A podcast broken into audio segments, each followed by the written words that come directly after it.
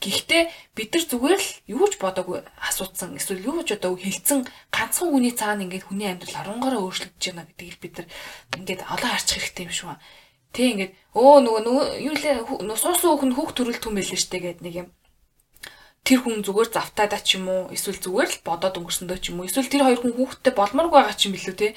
Тийм байхад нь юу гэж мэдэхгүй ээж нэг юм ярьж хүнийг ингэж дарамтанд оруулдаг чижилдэг эмхтэн хүүхд ороо эмхтэн хүнд ороосоо нойт нь илээ нойт нь нулимстай юм төрүүлэхгүй бол ингээд ерөөсө шулан болдог болдог гэх юм бүр амар амар юм ярьдаг. Амар юм ярьдаг нэг юм ийм хуучны үзлээсээ болооч ээ хүмүүсээ гэж бүр хэлмээр санагдаж энэ дугаарыг бол бүр ингээд тий ингээд өөртөл урталт нь бүр юм тийм титэлтэй хиймээр нь бүр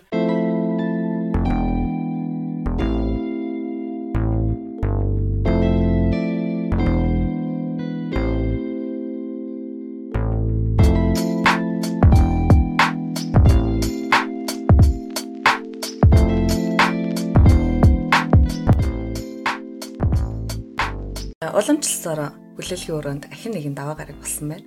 Тэгээд хүлээлгийн өрөөнд бид хоёр өнөөдөр нэгэн зочинтой ярихгаас сууж байна. Тэгээд яг энийг ярих гэхэлэр би яг түрүү нөгөө ярьж байхдаа бодлоо л доо. Энэ асуултыг одоо яг энэ ярих чаас дээр энэ асуултыг өөрөөсөө асууж байгаагүй нэг ч хүн бараг байдгүй бах тэнгэл би одоо юу гэдэг хүүхдтэй болох болов ч юм уу? Одоо нэг ингэж хүн болгон нэг тийм айцтай байдаг ч юм уу?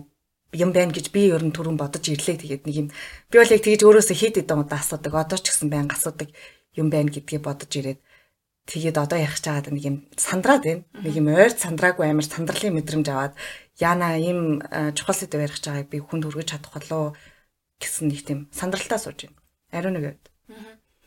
Аа яг би бол харьцангуул гайгуулах шиг л да. Яг нөгөө өөрийнх нь өслөдлөг одонгот а би ч нөгөө харьцангуй залуутай хөвгтэй болсон болохоор магадгүй одоо нэг том том дуурайд ахаад үг гарахгүй марахгүй энэ мэтэр гэж олон нийтийн сүлжээгээр амар ил тод тэр мэрийг ярьдаг байсан баг буруу ч юм уу гэж бодоод сууж ин л та ингэж нөгөө аль аль нөхцөл байдалд нүүргө тавьж үзээгүй зөвхөн нэг талаас харсан болохоор тэгээ энэ яг өргүүдэл гэсэн сэдвэр бид гурав өнөөдөр яг хүлээлгөөрөнд нэг зочинтой ингэж ярих гас сууж байна.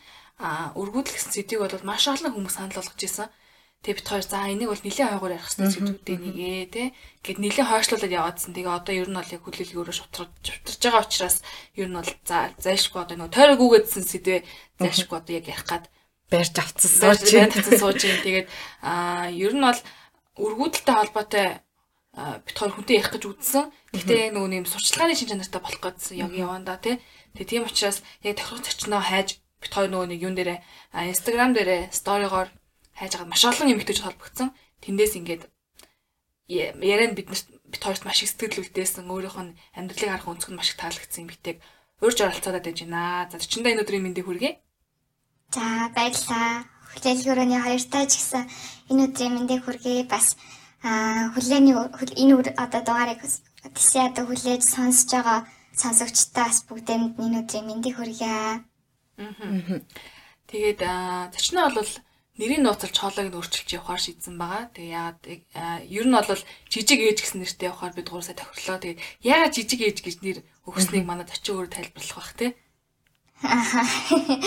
Ер нь бол яг би өөрөө гаднаас наарсан ч айгу тийм жижигэн биетэй. Тэгээд ер нь айгу тийм нөгөө хин зүн саваа айгу ихтэй үеийнхаа хүүхдийг ч юм уу айгу тийм кэр хийх талдаа айгу тийм сайн байсан болохоор манай үеэл надад жижигхэн ээж гэж нөгөө нэр өгөөд.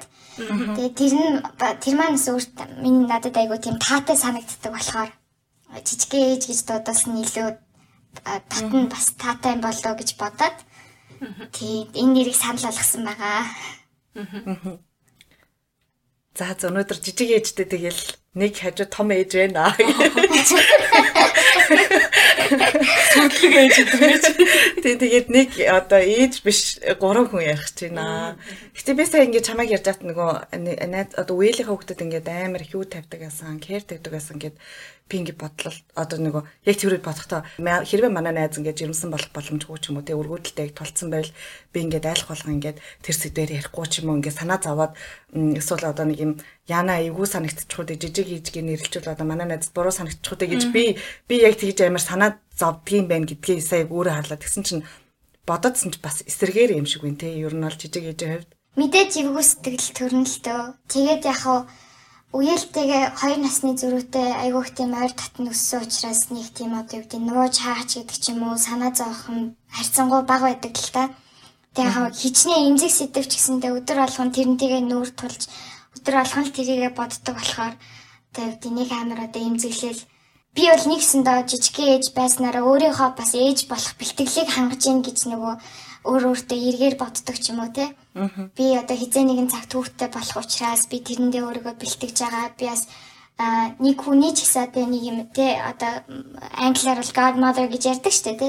Тиймэрхүү жижиг ээж байх нь миний хувьд бас нэг тийм юу гэдэг тийм айхтар бүр хэмзэглэмээр зүйлэл байгаагүй. Гэхдээ мэдээж ер нь л өргүүдэлтэй гэдгээ одоо хүлэн зөвшөөрөхөс эхлүүлээд бусад хүмүүст ч гэсэн хэлэхэд тайлбарлахад ер нь их төвөгтэй л байдаг л та. Бид нэл төдийлөн хүмүүс яг өөрд нь тохиолдог бол хүлээж авах байдал нь өө яна тийм үү? Өө яна ямар баларсан юм бэ? Эсвэл зарим нь өө за за чи залуухан юм чинь юунд нь санаа зав би одоо зөндөө нас байна. Тэ залууны зам урт тийм чинь арга нь олдчил таараа гэсэн тиймэрхүү байдлаар нь хандлага ер нь бол хандлагууд ажиглагддаг л та илүү хөтлөхөө. Манай жижиг ээжийн хувьд хэдэн настай эмэгтэй вэ? Гэр бүлийн статусын хувьд ямар вэ? Хизээ анх үргүүдэлтэй юм байна гэдгээ мэдсэн бэ? Миний хувьд бол харьцангуй нас залуу одоо дөнгөж 25 таа. Гэхдээ одоогийн маань оншвол заавал өрийн хоолойгоо хоёулангийн ахуулж иж үр шилжүүлэн суулгах мис ажил одоо ажилбарт буюу IVF-д орж иж хүүхдтэй болох боломжтой гэсэн нэг тийм онцтой бол байгаа. Аа бас өргөдлийнхаа талаар ярихын тулд хамгийн түрүүнд ер нь бол би бас ээжийнхаа талаар ярих шаардлага гарна. Ер нь бол одоо хүмүүст тийм ээ яагаад миний хувьд өргөдөл гэдэг өөрөө их эмзэг сэдв бэ? Яаж явж байгаад ер нь өргөдөлд орчвоо гэдгийг тайлбарлахын тулд ер нь л а бас дээрэс нь өөр нэгэн өөр төрлийн бас өргөдөл байдаг гэдгийг бас ойлгуулахын тулд ер нь бол хамгийн түрүүнд ээжийнхаа талаар ярих хэрэгтэй болов уу гэж бас бодоод сууж байна. Ээж нь бас үргүүдэлтэй гэсэн онцтой гарсан гэстэй. Тий. Аа ер нь бол одоо сонсогчтой төрүүлээд ер нь бол сануулж хэлэхэд би энэ ярианд бол маш олон эмнэлгийн нэрийг дурдна. А гэхдээ би тэнд ажилтдаг яг тодорхой эмч нэрийг нэрийг дурдахгүй ч гэсэн яг одоо юу гэдгийг улаан цай одоо тэр эмнэлгийн нэр хүндэд халтж байгаа ч юм уу. Одоо би өөртөө болсон үйл явдлыг ямар нэгэн байдлаар нэмэлт хачиргүйгээр яг л болсон процессыг ярих учраас бас зарим сонсогчид маань зөвөр хүлээж аваасаа гэж бодож байна. Одоо юу гэдэг миний ярьж байгаа эмнэлгүүдээс одоо юу гэдэг айгүй тийм гоё эрэг туршлагатайгаар өөрийнхөө гэр бүлтэй шинэ гишүүнийг хүлээж авсан, үлгэдэж авсан хүнч байгаа тий бас надтай ч юм уу манай ээжтэй ижилхэн бас юм хард дурсамжтай хүмүүс ч байгаа. Тэгэхээр ер нь бол өргүүдэл гэдэг яг зүйл Монгол улсын хэмжээнд яг энэ нөхөн үржихүүн талаасаа эмч нарын хандах хандлага ер нь ямар хөө байдаг вэ гэдгийг ер нь бол одоо юу гэдэг мэдээлэл зорилгоор ч гэдэг ч юм уу хүмүүс мэдээсэй гэж хүссний учраас ер нь бол та та хоёртай хандсан л та. Аа тэгээд нөгөө талаас би өөрөө залуу учраас ер нь бол хүмүүст залуу гэдэг утгаараа оо өргөдлийн хүн гэдэг зүйл бол ер нь бол 25-аас доош насныханд ч юм уу 30 наснаас доош насныханд бараг байхгүй хаа гих мэтчлэр юм буруу ойлголттой ялангуяа сүүлийн эдэн жилүүдэд өргөдөл гэдэг зүйл маань өөр аюу их залууж чирчимж байгаа учраас бас бусад ирээдүйд ээж болохоор төлөвлөж байгаа хүмүүст ер нь ийм юм байдаг юм байна шүү. Тэгэхээр би энээс урьдчилан яаж сэргийлэх вэ гэдгийг бас айгүй мэдээлэх нь зүйтэй юм болов уу гэж санагдаж байна л да. Манай ээж болохоор одоо 45 настай. Намайг 19 настайдаа болоод 20 настайдаа гаргасан. Аа ерөнхийдөө бол би өөрөө 8 сартайдаа дутуу төрсөн. Манай ээж 20 дугаар төрөхт төрөхдөө аа ер нь бол нийтдээ 12 цаг өвдөж төрсөн. За гэхдээ харамсалтай нь төр эмнэлгээс гараад удаагүй байхад нь эмчин одоо их барих эмчин өөрөө ихсийг нь салгаагүй. А тэр одоо л ер нь бол жоохон шүн дунд барьсан учраас нэг юм яаралтай л хүн наргиж зэмжижсэн лимжийг дуудаж авчраад ста ум хум хүүхдэд гаргасан. Тэр нь юм чин өөрөө ихсийг нь гаргахаа мартцсан байсан учраас ер нь бол манай ээж хал одоо савны хал гэдэг үлээ одоо юу гэдэг ер нь бол ихсийг бол заавал гаргах ёстой байтал нөгөөх нь 7 он ч юм уу 2 7 хоноснаас болоод ер нь бол цус алдаад бараг л саваа ахуулангаа алдчихсан Аз олж яг түргэн одоо тусламж хурдан ирсний ачаарч гэдэг ч юм уу тухайн үед сохор аз ч гэхүү манай өвөө манай ээж араас түргэний машины араас дагаж явж исэн. Нөгөө түргэний машин дугуй нэвтрээд бараг л цус алдаад одоо ингээд болохоо яж хатан л манай өвөө газ машиндаа суулгаад ингээд имлэг орж л яаж исэн бэлээ одоо амь насыг наварж исэн бэлээ тэгээд тэрнээс хоошоо манай ээж автоос автоосолд ороод ер нь бол нэлээд удаан хугацаанд хүүхэд одоо гарах төлөвлөгөөгүй байж байгаад намайг 9 настай байхад манай дүүг одоо гаргаж исэн. Тэр нь бол нөгөө автош машины ослоос болоод арцагны одоо хугаралтай гэмтэлтэй байсан учраас өөрөөрөө төрөх боломжгүйгээд кисэр хаалгаар орж исэн. Тэгээд ер нь бол манай ээж айлын ганц хүүтэй суусан айлын ганц хүү гэдэг утгаараа одоо мэдээж нөгөө удам залгах юу гэдгийг тийм ээ. Одоо манай монголчууд чинь хүүсдэр айгүйх ялангуяа ач холбогдол өгдөг. Одоо хүү гаргаж ер нь бол тийм ээ. Тэр одоо айлт гэрт удмыг нь залгах одоо юу бол нэлээд л одоо бэр бэр болж орж байгаа хүний хувьд л нэлээд л одоо том үүрэг л болж байгаа юм л та. Тэгээд яг манай ээж хэсэг хугацаанд бас өөрийгөө биеийг амраах зорилгоор ч идэх ч юм уу ер нь бол жирэмслэлтээс хамгаалж явж хагаад ер нь нэг 30 гараад 32 тоогоос эхлээд ер нь бол дахиж жирэмслэх оролдлого айгүй хийж эхэлсэн. Тэгээд яг нарийн ширийн имийг надад нэг ярдгүүлтэй одоо жишээлбэл юу гэдэг апортонд орж исэн эсхийг нь бол жишээлбэл би нэг хайхтар сонирхож асуугаагүй ч гэдэг ч юм уу те. Ер нь бол тэр хугацаанд тодорхой хэмжээний тийм юм болсон байхыг өгөөсөхгүй гэж би бол дотроо таамагладаг. Гэхдээ манай хэл яг одоо амнаас тийм ээ би одоо апортонд орж исэн гэж л надад бол яг хэлж байгаагүй. Ер нь бол ингээл одоо юу гэдгийг хоёр охин гаргасан хоёр охиныхаа дараажаас эхлээд хүү олох зорилгоо тавьж эхэлсэн. Хүү олох зорилгоо маш удаан хугацаанд тавьж би хаагаа бэлтгэж одоо юу гэдэг им тариач гэдэг ч юм уу одоо хамгийн наад зах нь эхлээл өндгөө эсийг сайжруулах им тариа дээр одоо аягүй сайн хийгээл ер нь бол имдлэгээр аягүй удаан хугацаанд явсан. Тэгээ хамгийн түрүүнд одоо өргөдлийн эмчдэр очиад ерөнхийдөө эрентгийн шинжилгээ буюу үрийн хоолой битүүрэлтэй байгаа эсхийг оншилдог, онцлогоо шинжилгээнд хамрагдсан. За дараа нь ер нь бол эмэгтэйчүүдийн эмч нартай холбогд одоо юу гэдгийг байнгын уулзаж тийм ээ одоо юу гэдгийг овуляц явагдаж гин үгүй гэдгийг шалгадаг. За ерөнхийдөө бол ер нь бол бүхэл одоо арга хэмжээнүүдийг шат дарааллын дагуу авч исэн байгаа. Тэгээд ингээд хамгийн сүүлийн одоо өгсөн зөвлөгөө нь юу байсан бэ гэхээр 3 сар жирэмсээс хамгаалах юм уугаад аа тэгээд одоо юу гэдгийг гинэт зогсоох үед одоо манайхан тэгж ярьдаг штэ. Дааврын юм ууж агаад гинэ цогсоогоор хүүхдтэй болтгоо гэд. Яг хөө тэр нь бол өвлжилсэн гэхдээ өмнөх кисүрийн шалтгаанаар ч гэдэг ч юм уу бас өөр бусад шалтгаан байсан уу 6 сартай да яг сонгуулийн өдөр манай ээж усан гараад их нялхас явах шаардлагатай болсон. Ер нь бол дутуу төрөлтийг хувийн эмнэлгүүд хийж хүлээж авдаг одоо гурван гаалч гэдэг ч юм уу одоо ямар нэгэн байдлаар үйл ажиллагаа явуулж байгаа хувийн одоо энэ хурж эмнэлгүүд бол дотоод төрөлтийг хүлээж авахаас зайлсхийдэг хичнээн хяналтанд нь явж исэн ч гэсэнтэй үгүй заавал их нялхас руу эсвэл нэгдүгээр төрхөөр улсын эмнэлэг рүү юм явуулдаг. Тэгээд яг гайтайч хүү сонгуулийн өдөр таарсан манай эмнэлэг дээр очсон эмчхүүд нэлээд удаан хүлээж одоо эмнэлгийн орон дээр нэлээд удаан хугацаанд хөвцсөн юм шиг байгаа. Тэгээд яг совилогч эдгээр эргэж тойрч юу гэдэг даралт маралтыг нь үздэг ч юм уу хэвийн хэсгийн байгааг огтхон шалгаагүй 12 цаг болсны дараагаар одоо нөгөө дотроо ус гарцсан учраас тэр чинь мэдээж дотроо ингээл юу гэдгийг ураг амьгүй болно те. Тэгэл ингээд удаан хугацаагаар ураг дотроо байна гэдэг чи яав сайн биш. Өрөвсөл одоо юу гэдгийг халуурж эхэлж байгаа. Тэгээ яг би тухайн үедээ жоохон байсан учраас яг нарийн ширийн имийг нь бол мэдэхгүй баад ер нь бол дараа нь ингээ манай ээж надад ярьж байхдаа маш удаан хугацаанд орон дээр ганцаар ингэ совилогч орж ирэхгүй, эргэж тайрахгүйгээр орхиж явсан. Манай аав одоо гадаа нь бараг л өдөр шингүү хүлээж нэг совилогчийн карманд нь 20 10 төгрөг хийж иж эргэж тайруулж нэг дээр эсвэл хүнжил өгч авах жишээтэй тий. Тэгэл яг нөгөө юм чин нэг юм ч орж ирсэн нөгөө юм чин одоо юу гэдгийг за юу болж ийн одоо тий ямар завар байна гэж асуухчгүйгээр л ингээд шууд гуйрын тас хитлалгатал балиар заваа муусан амьнууд яах гэж надад юм үлдээдэг ингээл алийг натхаа дэлэг гэл ингээл ерөөсөө ямар ч өвчин намдалт байхгүйгээр шууд аборт хийсэн баг. Тэгээд аборт хийхдээ эн чинь нөгөө эн чинь 6 сартай эн чинь нэлээд том болцсон тийм ээ. Одоо нэлээд л ер нь хийдэл умаа ханыг бол нэлээд хусаж тэр одоо абортыг хийж л байгаа юм л да. Миний ойлгож байгаагаар бол тэгээд тэр чинь одоо юу гэдгийг одоо ингээл өвдөлт мэдэрч яхад нь ингээл юун та маягдлын чи өстэй энэ байтгал юм оруулдаг үстэй чи өстэй нэрэ бити ингээл яагаад гэл ингээл юм чинь ингээл айгуух загнаал тэгээд хамгийн одоо гайхмаар нь бүх үйл ажиллагаагаа дуусгачаад одоо ургийг авчаад цэвэрлэхгүйгээр дахиад 12 цаг үйл орхисон байгаа маань ээж.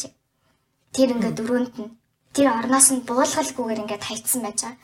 Тэгээ энээсээ болоод манай ээж умаа хам нэмгэрсэн салст нь одоо юу гэдэг эндометр гэж ярьдаг та нөгөө одоо үр хөврөл бэхлэгдэх одоо тийм зузаан сайхан салсттай юм хан байж ах хэвээр байдал. Тэрийг нь юу ч хөө хусаад хайцсан учраас дахиж одоо жирэмслэхэд хэдийгээр нөгөө өндгий одоо үрийн шин одоо сперм хоёр хоорондоо уулзж байгаа ч гэсэндээ тэр нь хандаа бэхлэгдэхгүйгээр дандаа одоо юу гэдэг одоо э, юу гэдгийг э, бүтлгүүтэх ч юм уу те ийм үр дагаврууд үүссэн ба.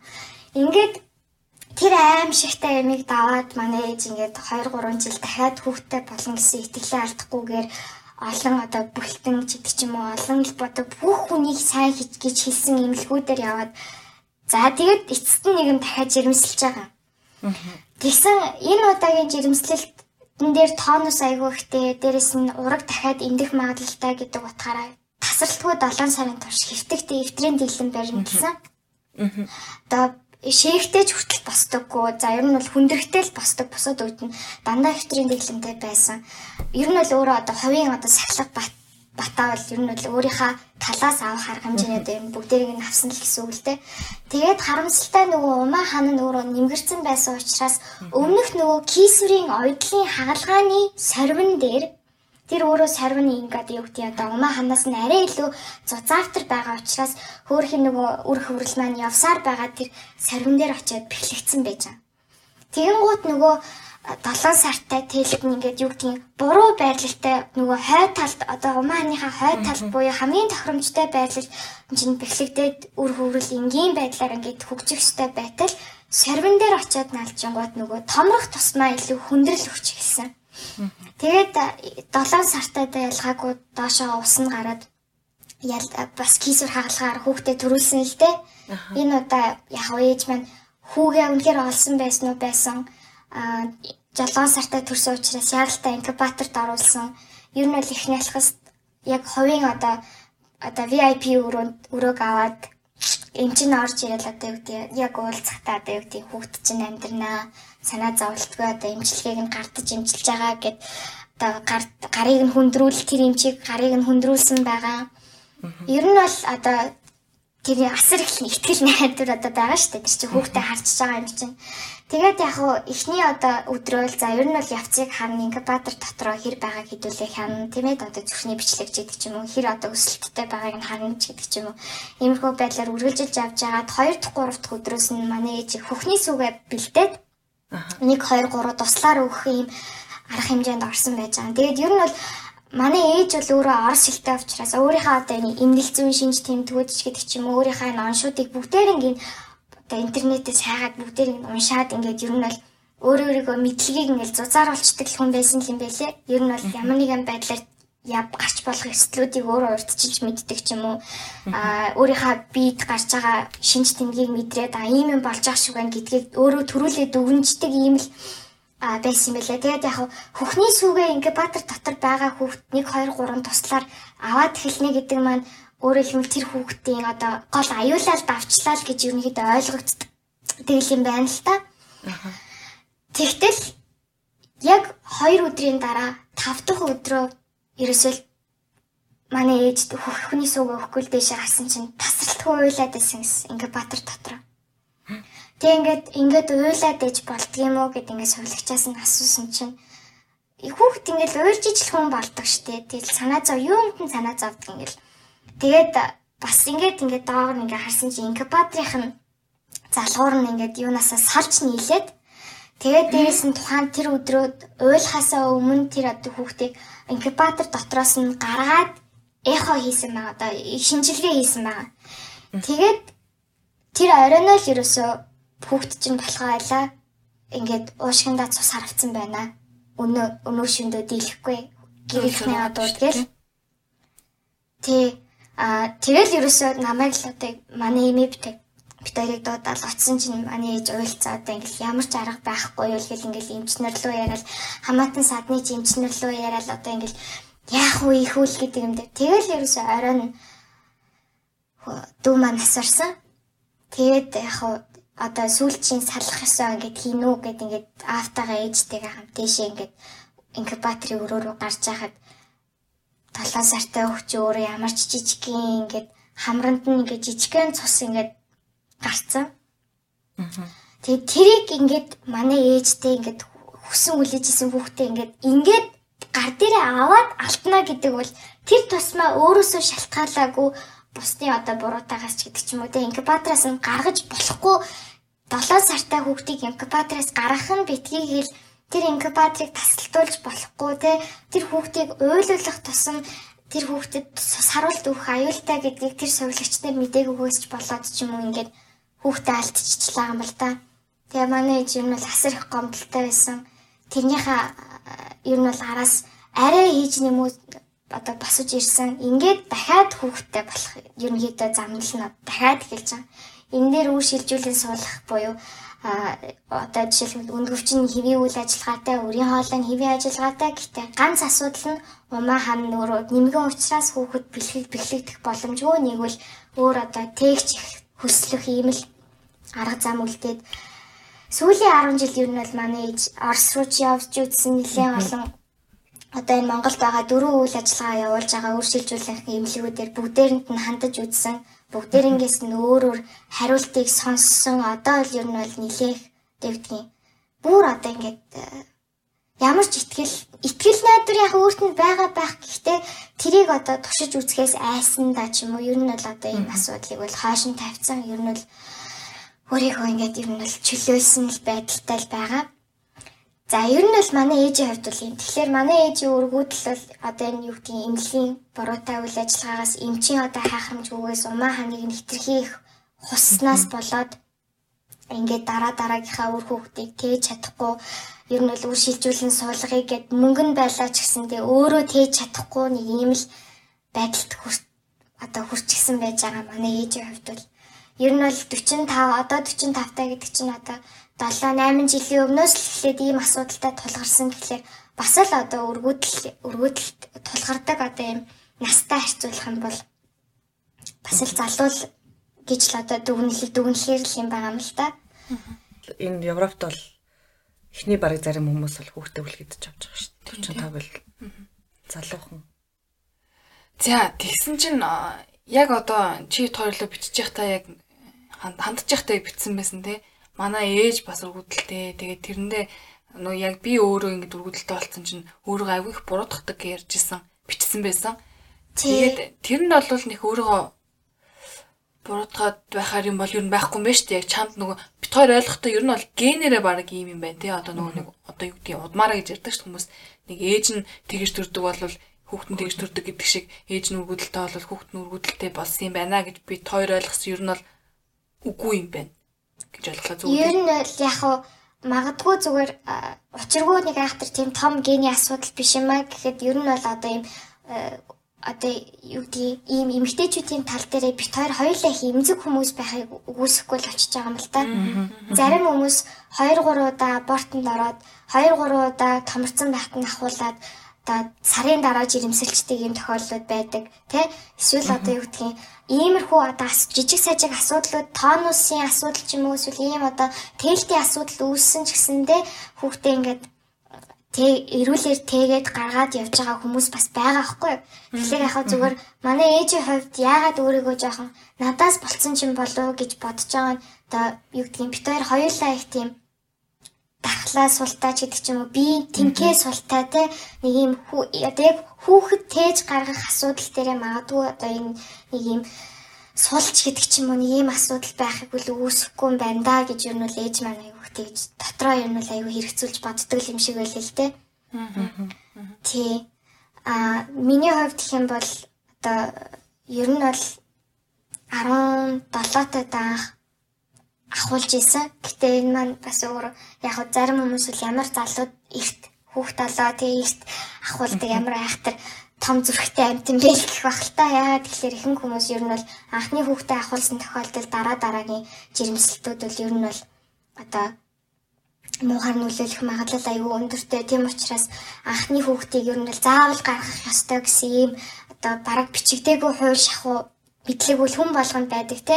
Тэгэхээр ерөнхийдөө бол 17 одоо хүүхдээ ахуулна гэдэг миний хувьд л өөрөө би аюул том шийдрийг гаргасан хэдий ч одоо юу гэдэг өөрийнхөө нас нь аюултай ч гэдэг ч юм уу. Ер нь бол би бол өөрийнхөө бас гарцаагүй тийм шийдвэр хийсэн. Дээрэс нь бол өөрийгөө нэг амар тийм л юу гэдэг тэр үед ахуулдаггүй байж гэж бол одоо нэг хайхтар харамсаж боддггүй юм. Аа тэр ма юу тэр маань ямар учиртай вэ гэхээр манай ээжийг л ингээл хүүхд залуу болчихсон учраас ч гэдэг ч юм уу дээрэс нь ихний одоо миний яг төрсэн ааваас ингээл салцсан учраас ингээд юу гэдгийг эцэг хүүхдийн талгай томч гэдэг ч юм уу те нэг юм хамаатай саднуудын хэл амнаас нэг дайсан. Хоёрт би өөрийгөө хүүхдээ болоход бэлэн биш байгаа гэдгийг а дээрэс нь тэр хүнээс хүүхдтэй одоо энэ харилцаанд байгаа би тэр одоо залуутай хүүхдтэй болоод ингээд хамтран амьдрна гэдэг бол надад л огт төсөөлөгдөхгүй зүйл байсан байхгүй юу. Тэр бол одоо юу гэдгийг ганцхан тийм одоо жишээлбэл би энэ хүүхдийг гаргачих юм ахуулчих юм бол дахиад хүүхдтэй болж чадахгүй юм байна да гэж бодож хүүхэд гаргахаасаа илүү би энэ хүнтэй цаашдаа ирээдүгөө харж гинөө би дахиад хүүхдээ өнчрүүлсэн нэрийг би ээжийнхээ араас авах уугүй гэдгийг бодолцож үзэхэд миний хувьд л тухайн үед илүү чухал байсан. Тийм ч учраас ер нь бол айгүй том зүрх гаргаад хүүхдээ ахуулсан а гэхдээ ахуулах ахуулахдаа хинтээ хамт яаж явж хаана очиж юу нь бол хантгаал би огт мэдэхгүй байсан. Тэр одоо юу гэдэг тохиромжтой эмнэлгийг ч гэдэг ч юм уу эсвэл надад зөвлөөд өгөх хүнийг олох гэж бол нэлээ цаг алдсан л та. Аа тэгэхээр тухайн үедээ бас одоо ингээд бодох нэ магадгүй юу гэдгийг жоохон эрт дарах хэмжээ авсан байсан бол одоо тухайд ч 2 сартай байсан гэдэг чинь магадгүй жоохон баг хоногтойд нь 7 хоногтойд нь авахулсан бол бас магадгүй хэрвээ одоогийн минь өрөөдөлт маань нөлөөлсөн бол магадгүй бас өөр нөлөө баг байх байсан болоо гэж бас хаяа бодно одон тий. А гэхдээ ер нь бол ахуулсандаа бол огт ингээл харамсаал тэр үедээ гаргацдаг байж гэж бол огт боддоггүй. Тийм. Аа одоогийн одоо нөхөртэйгээ бол хамтраа хамт амьдраа 4 жил болж байгаа. Яг бит хоёр бол албан ёсоор гэрлэлтэй бол татлуулаагүй. Гэхдээ бит хоёр бол өөрсдөө ер нь бол цаашдаа одоо нөгөө хоёрын маань ярьдгаар the one гэж ярьдаг штэ тий. Тэрийг бол олцсон гэж боддог. Яагаад тэгэхээр одоо тэрнээ ямар ч эргэлзээ байгаад ингээл юу гэдгийг энэ надад халамжтай л энэ надад хайртай болов гэх тийм бодол ерөөсөй байдаггүй. Тийм ч болохоор ер нь бол эртнээс би өөрөө энэ одоо одоогийнхаа нөхөртөөгөө анх танилцаад ер нь удаагүй байхдаа хүүхэд хүсэж эхэлж исэн тий. Аа одоо ингээд 17 тойд анхны хүүхдээ ахуулаад 22 настайдаа анхны савны гадуурх болсон гэхэлэр үндсэндээ надад 3хан жирэмслэлт байгаа. Тэрний анхных нь аборт, хоёр нь савны гадуурх байгаа. Тэгээ 17-оос 22 насны хооронд би мэдээж одоо хүнтэй дотн харилцаанд байсан уу байсан те. Гэхдээ дотн харилцаанд байхдаа жилээс дээш хугацаатай буюу одоо яг нөгөө хамгаалалтгүй бэлгийн харилцаанд байгаа тохиолдолд жирэмслэх магадлалтай гэвэл өндөр магадлалтай байсан байгаа байхгүй. Тэгээ тухайн үедээ 10 тэр 5 жилийн хугацаанд жирэмслэхгүй байгаагаа би өөрөө ч нэг айхтар тийм одоо юу гэдэг ач холбогдол өгөөл Хүч нэр яагаад би ч жирэмсэн болдгоо бодлоо гэх юм уу. Эсвэл би одоо ямар ч хамгаалалт ингэж хэрэглэхгүй байхад яагаад ингэж болдоггүй байна гэж огт боддог байгаагүй. Тэр нь одоо юу гэдэг хүүхдээ болъё гэж боддоггүй ч юм уу те тэр тэр асуудалтай л холбоотой байсан байх. Яагаад ч юм би ерөөсөө огт тэгж боддог байгаагүй. А яг хуу а тэрнийг надаас урьдаад одоо миний одоогийн нөхөрөөс өмнө үргэлжлэсэн залуугийн ээж нь анзаараад тэгээд энэ жоохон эрүүл мэндийн талаасаа ч гэдэг чинь хүүхэдтэй болох талаасаа асуудалтай байж магадгүй юм байна. Яагаад тэгэхээр ээж нь ингэсэн юм байна. Тэгэхээр энэ хүүхэд бол одоо юу гэдгийг миний хүүдэл цохимжгүй юм байна. Яагаад тэгэхээр миний хүчээ айлан ганцгүй юм чинь хүүхэд гаргана гэдэг бол асар чухал гэд ингээд ер нь л хүүдээ хэлж ойлгуулад ер нь л хүүгээ бит хоёр ингээ хоёр тийшээ олж исэн байхгүй юу. Тэгээд ерөнхийдөө одоо тухайн үедээ би жоохон одоогийн шигээ жоохон юм гэрхаач гэдэг ч юм уу нэг юм байсан бол тухайн үедээ нэрэл үний юм болов үгүй болов гэж бас нэг судалжил үзэл байсан баг. Гэхдээ тухайн үедээ бол яагаад миний ээжээр ингээд миний ээжийн асуудал ийм байхад тэрүүгээр намайг ингэж төлөөлж ингэж ойлгож авчи үгдгийн тэрийг хинч батлаагүй байхад хинч нотлаагүй байхад яагаад ингээд иймэрхүү юмнаас болоод ингээд надаас хүүгээ салгаж байгаа юм бол гэж аюу гомдчихсэн үг гэхээс биш. Тийм жирэмсэл яагаад жирэмслэхгүй байгаа юм бол гэж үл ерөөсө толгой дотор бол харж ирж байгаагүй. Тэгээ энэс хоошоо яван явсаар байгаад ингээл нөхөртөөгөө танилцаад 8 сарын дараа жирэмсэн боллоо гэж амар баярлал эмнэлэгтгүйгээл атсан чинь уучлаарай 5 7 хоногт савны гадуур хана баруун талдаа яаралтай нэгдүгээр төрхт эмнэлэг дээр очиж очлоо очороо л гэлтгсэн. Тэгээд яг нь хүсэн нөгөө нэг хүс одоо хүсэх хэрээр хясна гэдэг чинь яваал очингууд ер нь бол нэгдүгээр төрхтөр яваад очсон хүлээ авах дээр нээхонд харсан эмчин асуусан хиддэг жирэмсэлтэй хоёр дахь жирэмсэл өмнөхөө яасан гэдгсэн ахуулсан гэдгсэн чинь миний яхооны зургийг миний өөдөөс шидчихэл. Одоо тэгэл тэний ч хах үлийн үрэл идэлж байгаа юм байна гэж хэлээ гараа явсан. Йоо амар юм. Надад орсон юм. Тэгээд ми тэгэл одоо юу гэдгийг одоо тэндээс л хамааглах юм одоо миний одоо энэ үргүүдлийн талаар одоо холбогдлолтой трама эхэлж байгаа байхгүй юу? Одоо миний өөрийн трама тий. Тийм ээ. Тэгээд дээшээ ингээл гараад өрөөнд орсон чи битүү жирэмсэн хүүхнүүд эмэгтэйчүүдийн тасаг гэж тустай байдаг. Жирэмсэн эхчүүдийн тасаг гэж тустай байдаг хэрвээ намайг савны гадуурх гэд онцлогдож байгаа юм бол жирэмсэн эхчүүдтэй хамт нэг өрөөнд ч юм уу эсвэл нэг тасагт байлгах шаардлага байхгүй шүү дээ тий. Ер нь бол яаж ч логикоор бодсон. Тэгэл одоо юу гэдэг нөгөө эмхтэйч чинь ингээл нөгөө гизээ айгу тулаал гизээ ингээл илээл ингээл явангууд цаанаасаа л өөрөө ирэхгүй ингээд гунигтай мэдрэмж ингээд өөрөө төрдөг юм билээ. Одоо ингээд бодох нэ би тэр үед асар их имзэглэж ийснийхаа би өөрөө ч ойлгоогүй байсан юм билээ л те.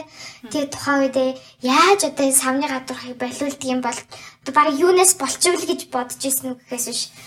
Хм намайг одоо юу гэдгийг би хизээ юм болох бол гэж юу нь бол тийм айхтар имзэглэж бодоогүй хэрнээл сэтгэлд айгүй тод үлдсэн байгаа юм л да. Тэгээд эхний өдрөө хөвтчээд маргааш өглөөний эмчнэр нь орж ирээл ингээл явж байгаад энэ чинь эмчин үзээ за ямар нэгэн зовир байна уу? 5 7 хоногтой юм байна. Дотроо хагарах нь үгүй юу? Энэ хагарах магадaltaй юу үгүй гэдгийг хоёулаа яхагаар харъя гэдэг ч юм уу те? Эсвэл одоо чи чамд энэ савны гадуурх жирэмслэлтийг зогсоох ийм хоёр боломж байна. Нэг нь одоо урд дурангийн хаалгаанд орох а нэг нь болохоор хими тарилах одоо тариулах тий тэгжиж одоо доторх өөр хөврөл чинь ингээд жижигрээд агшаад яг хуу нэг сул тал нь өсч нь унаж гэдэг ч юм уу чиний бие чинь хортомж гэдэг ч юм уу хинч надад тийм хэлээгүй. Ерөөсөө орж ирчээл яханы зураг харчаал аа за хүлээж лахгүй даа гэл ингээд гараа авчихсан. Тэгээд одоо юу тийм манай ээж өөрөө ийм өргөдлийн асуудалтай байсан учраас асар хурдан л арга хэмжээ авч байгаа юм л та. Одоо хамаатан садны эмчрүү залгаад нэгдүгээр төрх таньдаг хүн байна уу? Энэ одоо 5 7 хоногтой энэ хагарахад аюул л ойрхон байгаа. Хагарлаа л бол хамгийн гол аюул нь би дурангаар хагалгаанд орох ш. Би нээлттэйгэр буюу кисэр хагалгаатай ижлэхэн хагалгаанд орох байхгүй юу? Дотроо асар их цус алдалт өгнө. Дээрээс нь нээлттэйгэр хагалгаанд орно гэдэг чинь өөрөө наалтц үүсэх аюул хэрсэлтэй. Тэгэл ерөөсө тэр өдрөө нөгөө таньдаг хүний золоор яаралтай яханд ороод харсан чинь өө наад чи яг удахгүй хагарлаа. Өнөө маргаашгүй яаралтай хаалгаанд оръё гэл хаалгаанд ороод ахуулж исэн. Тэгээд яг хуу ганц одоо юу гэдгийг миний мэдчих хаалгаанд орохоос өмнө мэдчихсэн эрсдэл юу вэ гэхлээр цус алдалт их өгөх юм бол одоо үрийн хаалгач нь аавна. А цус алдалт өгөхгүй бол яг яаж хийж аваад үрийн хаалгач нь үлдээх гэж үзнэ. Оролтноо л гэж хэлжсэн. Тэгээд эхнийх дээрээ ороод гарч ирээд за ер нь бол нэг 4-5 хоног эмчилгээг хийлгээд гараад эмч маань надад юу гэж хэлж ирсэн бэ гэхээр PCR шинжилгээ өгөөрэй. PCR шинжилгээгээр одоо яагаад энэ савны гадагш чи үүсэх болоо гэдгийг хэдүүлээ тодорхойлно гэд өгтөл уроплазма гэдэг бактерийн гаралтай бэлгийн замын халдвар төвчөн гарсан. Аа уроплазма тэгээд одоо ингээд уншаад эхлэхээр уроплазма, микоплазма гэсэн хоёр ялангуяа энэ бэлгийн замаар дамждаг. Ямар ч одоо эмгтэй үнд ялангуяа симптом байдаггүй те. Одоо юу гэдгийг тэмбүүл одоо жижигхэн яр гарнаж гэдэг ч юм уу. Кламидиа бол одоо ийм ногоон идэтэ ийм шиг ялгацс гарнаж гэдэг ч юм уу те. Энэ уроплазма микоплазма хоёр ямар ч нөгөө симптом байдаггүй зөвхөн ийм нэг тунгалаг ялгацс гардаг. Тэр нь бидний одоо хэвийн үед гардаг ялгацснаас ямар ч ялгаа байхгүй. Ийм бэлгийн замын халдварт одоо өвчин болж таарсан. Ер нь бол. Тэгээд энэ уроплазма гэдэг зүйлийг одоо бол би манай нөхөрт байсан уу? Надад байсан уу? Мэдхгүй. Хинэн төрүүлж одоо аваад хинээс аваад хизэнээс эхэлж энэ уроплазма гэдэг зүйлд миний дотор одоо эд эргэтэн дотор байсан бэ гэдгийг би хэлж мэдэхгүй байгаа байхгүй. Хамгийн гол аюул нь. Тэгэхээр одоо миний хувьд жишээлх юм бол одоо ингээд уншиж судлаад ингээд эргээд эргээд харахад тухайн үед уроплазма байгаа байсан учраас Тэр миний биеинд асар удаан хугацаанд байсан учраас уроплазма, микоплазма бол хамгийн сонгодог хэлбэрээр буюу хамгийн түрүүнд үрийн хоолойг гэмтээдэг. Тэр одоо үрийн хоолойн дотор байгаа намраа хурцтай сэдийг юу гэдгийг та үржих таатай хамгийн таатай одоо орчин нь учраас хамгийн түрүүнд тэнд очиж ингэж намраа эдийг нь өхүүлдэг те нэг нэг юм хатан хатан гарсан ийм одоо хэлбэртэй болгодог юм байна л да. Тэгээд тэрнээсээ болоод одоо үр хөврөл саатах тэндээ самны гадуурх болох ийм л эрсдэл үүсдэг юм бэлээ. Тэгээд яг аз болж миний нөхөрд айгуу тийм ер нь ер нь айгуу тийм хүнийг ойлгодог хүн байсан. Одоо ер нь бол бэлгийн замын халдвар төвчин гэхэл хүний ч үстэй талхаарцдаг үстэй ер нь бол тэ бузрын одоо заваа яста нэрэ харман бузар яста нэрэ олон хүнтэй унтж чивтэж яваад ийм юм авч байгаа шүү. Тэгэл ингээл манайхан бол айгуу тийм ярих дуртай.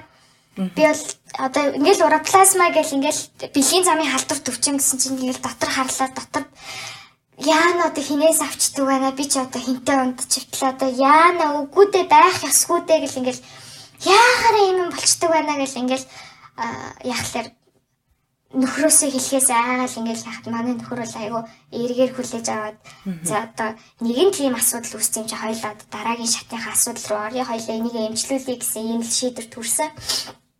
Тэгээд за тэгээд дараагийн PCR-ийнхаа өгөөд ороплазма гарч ирэнгуудаа тэрийгэ эмчлүүлэх шатандаа орвоо.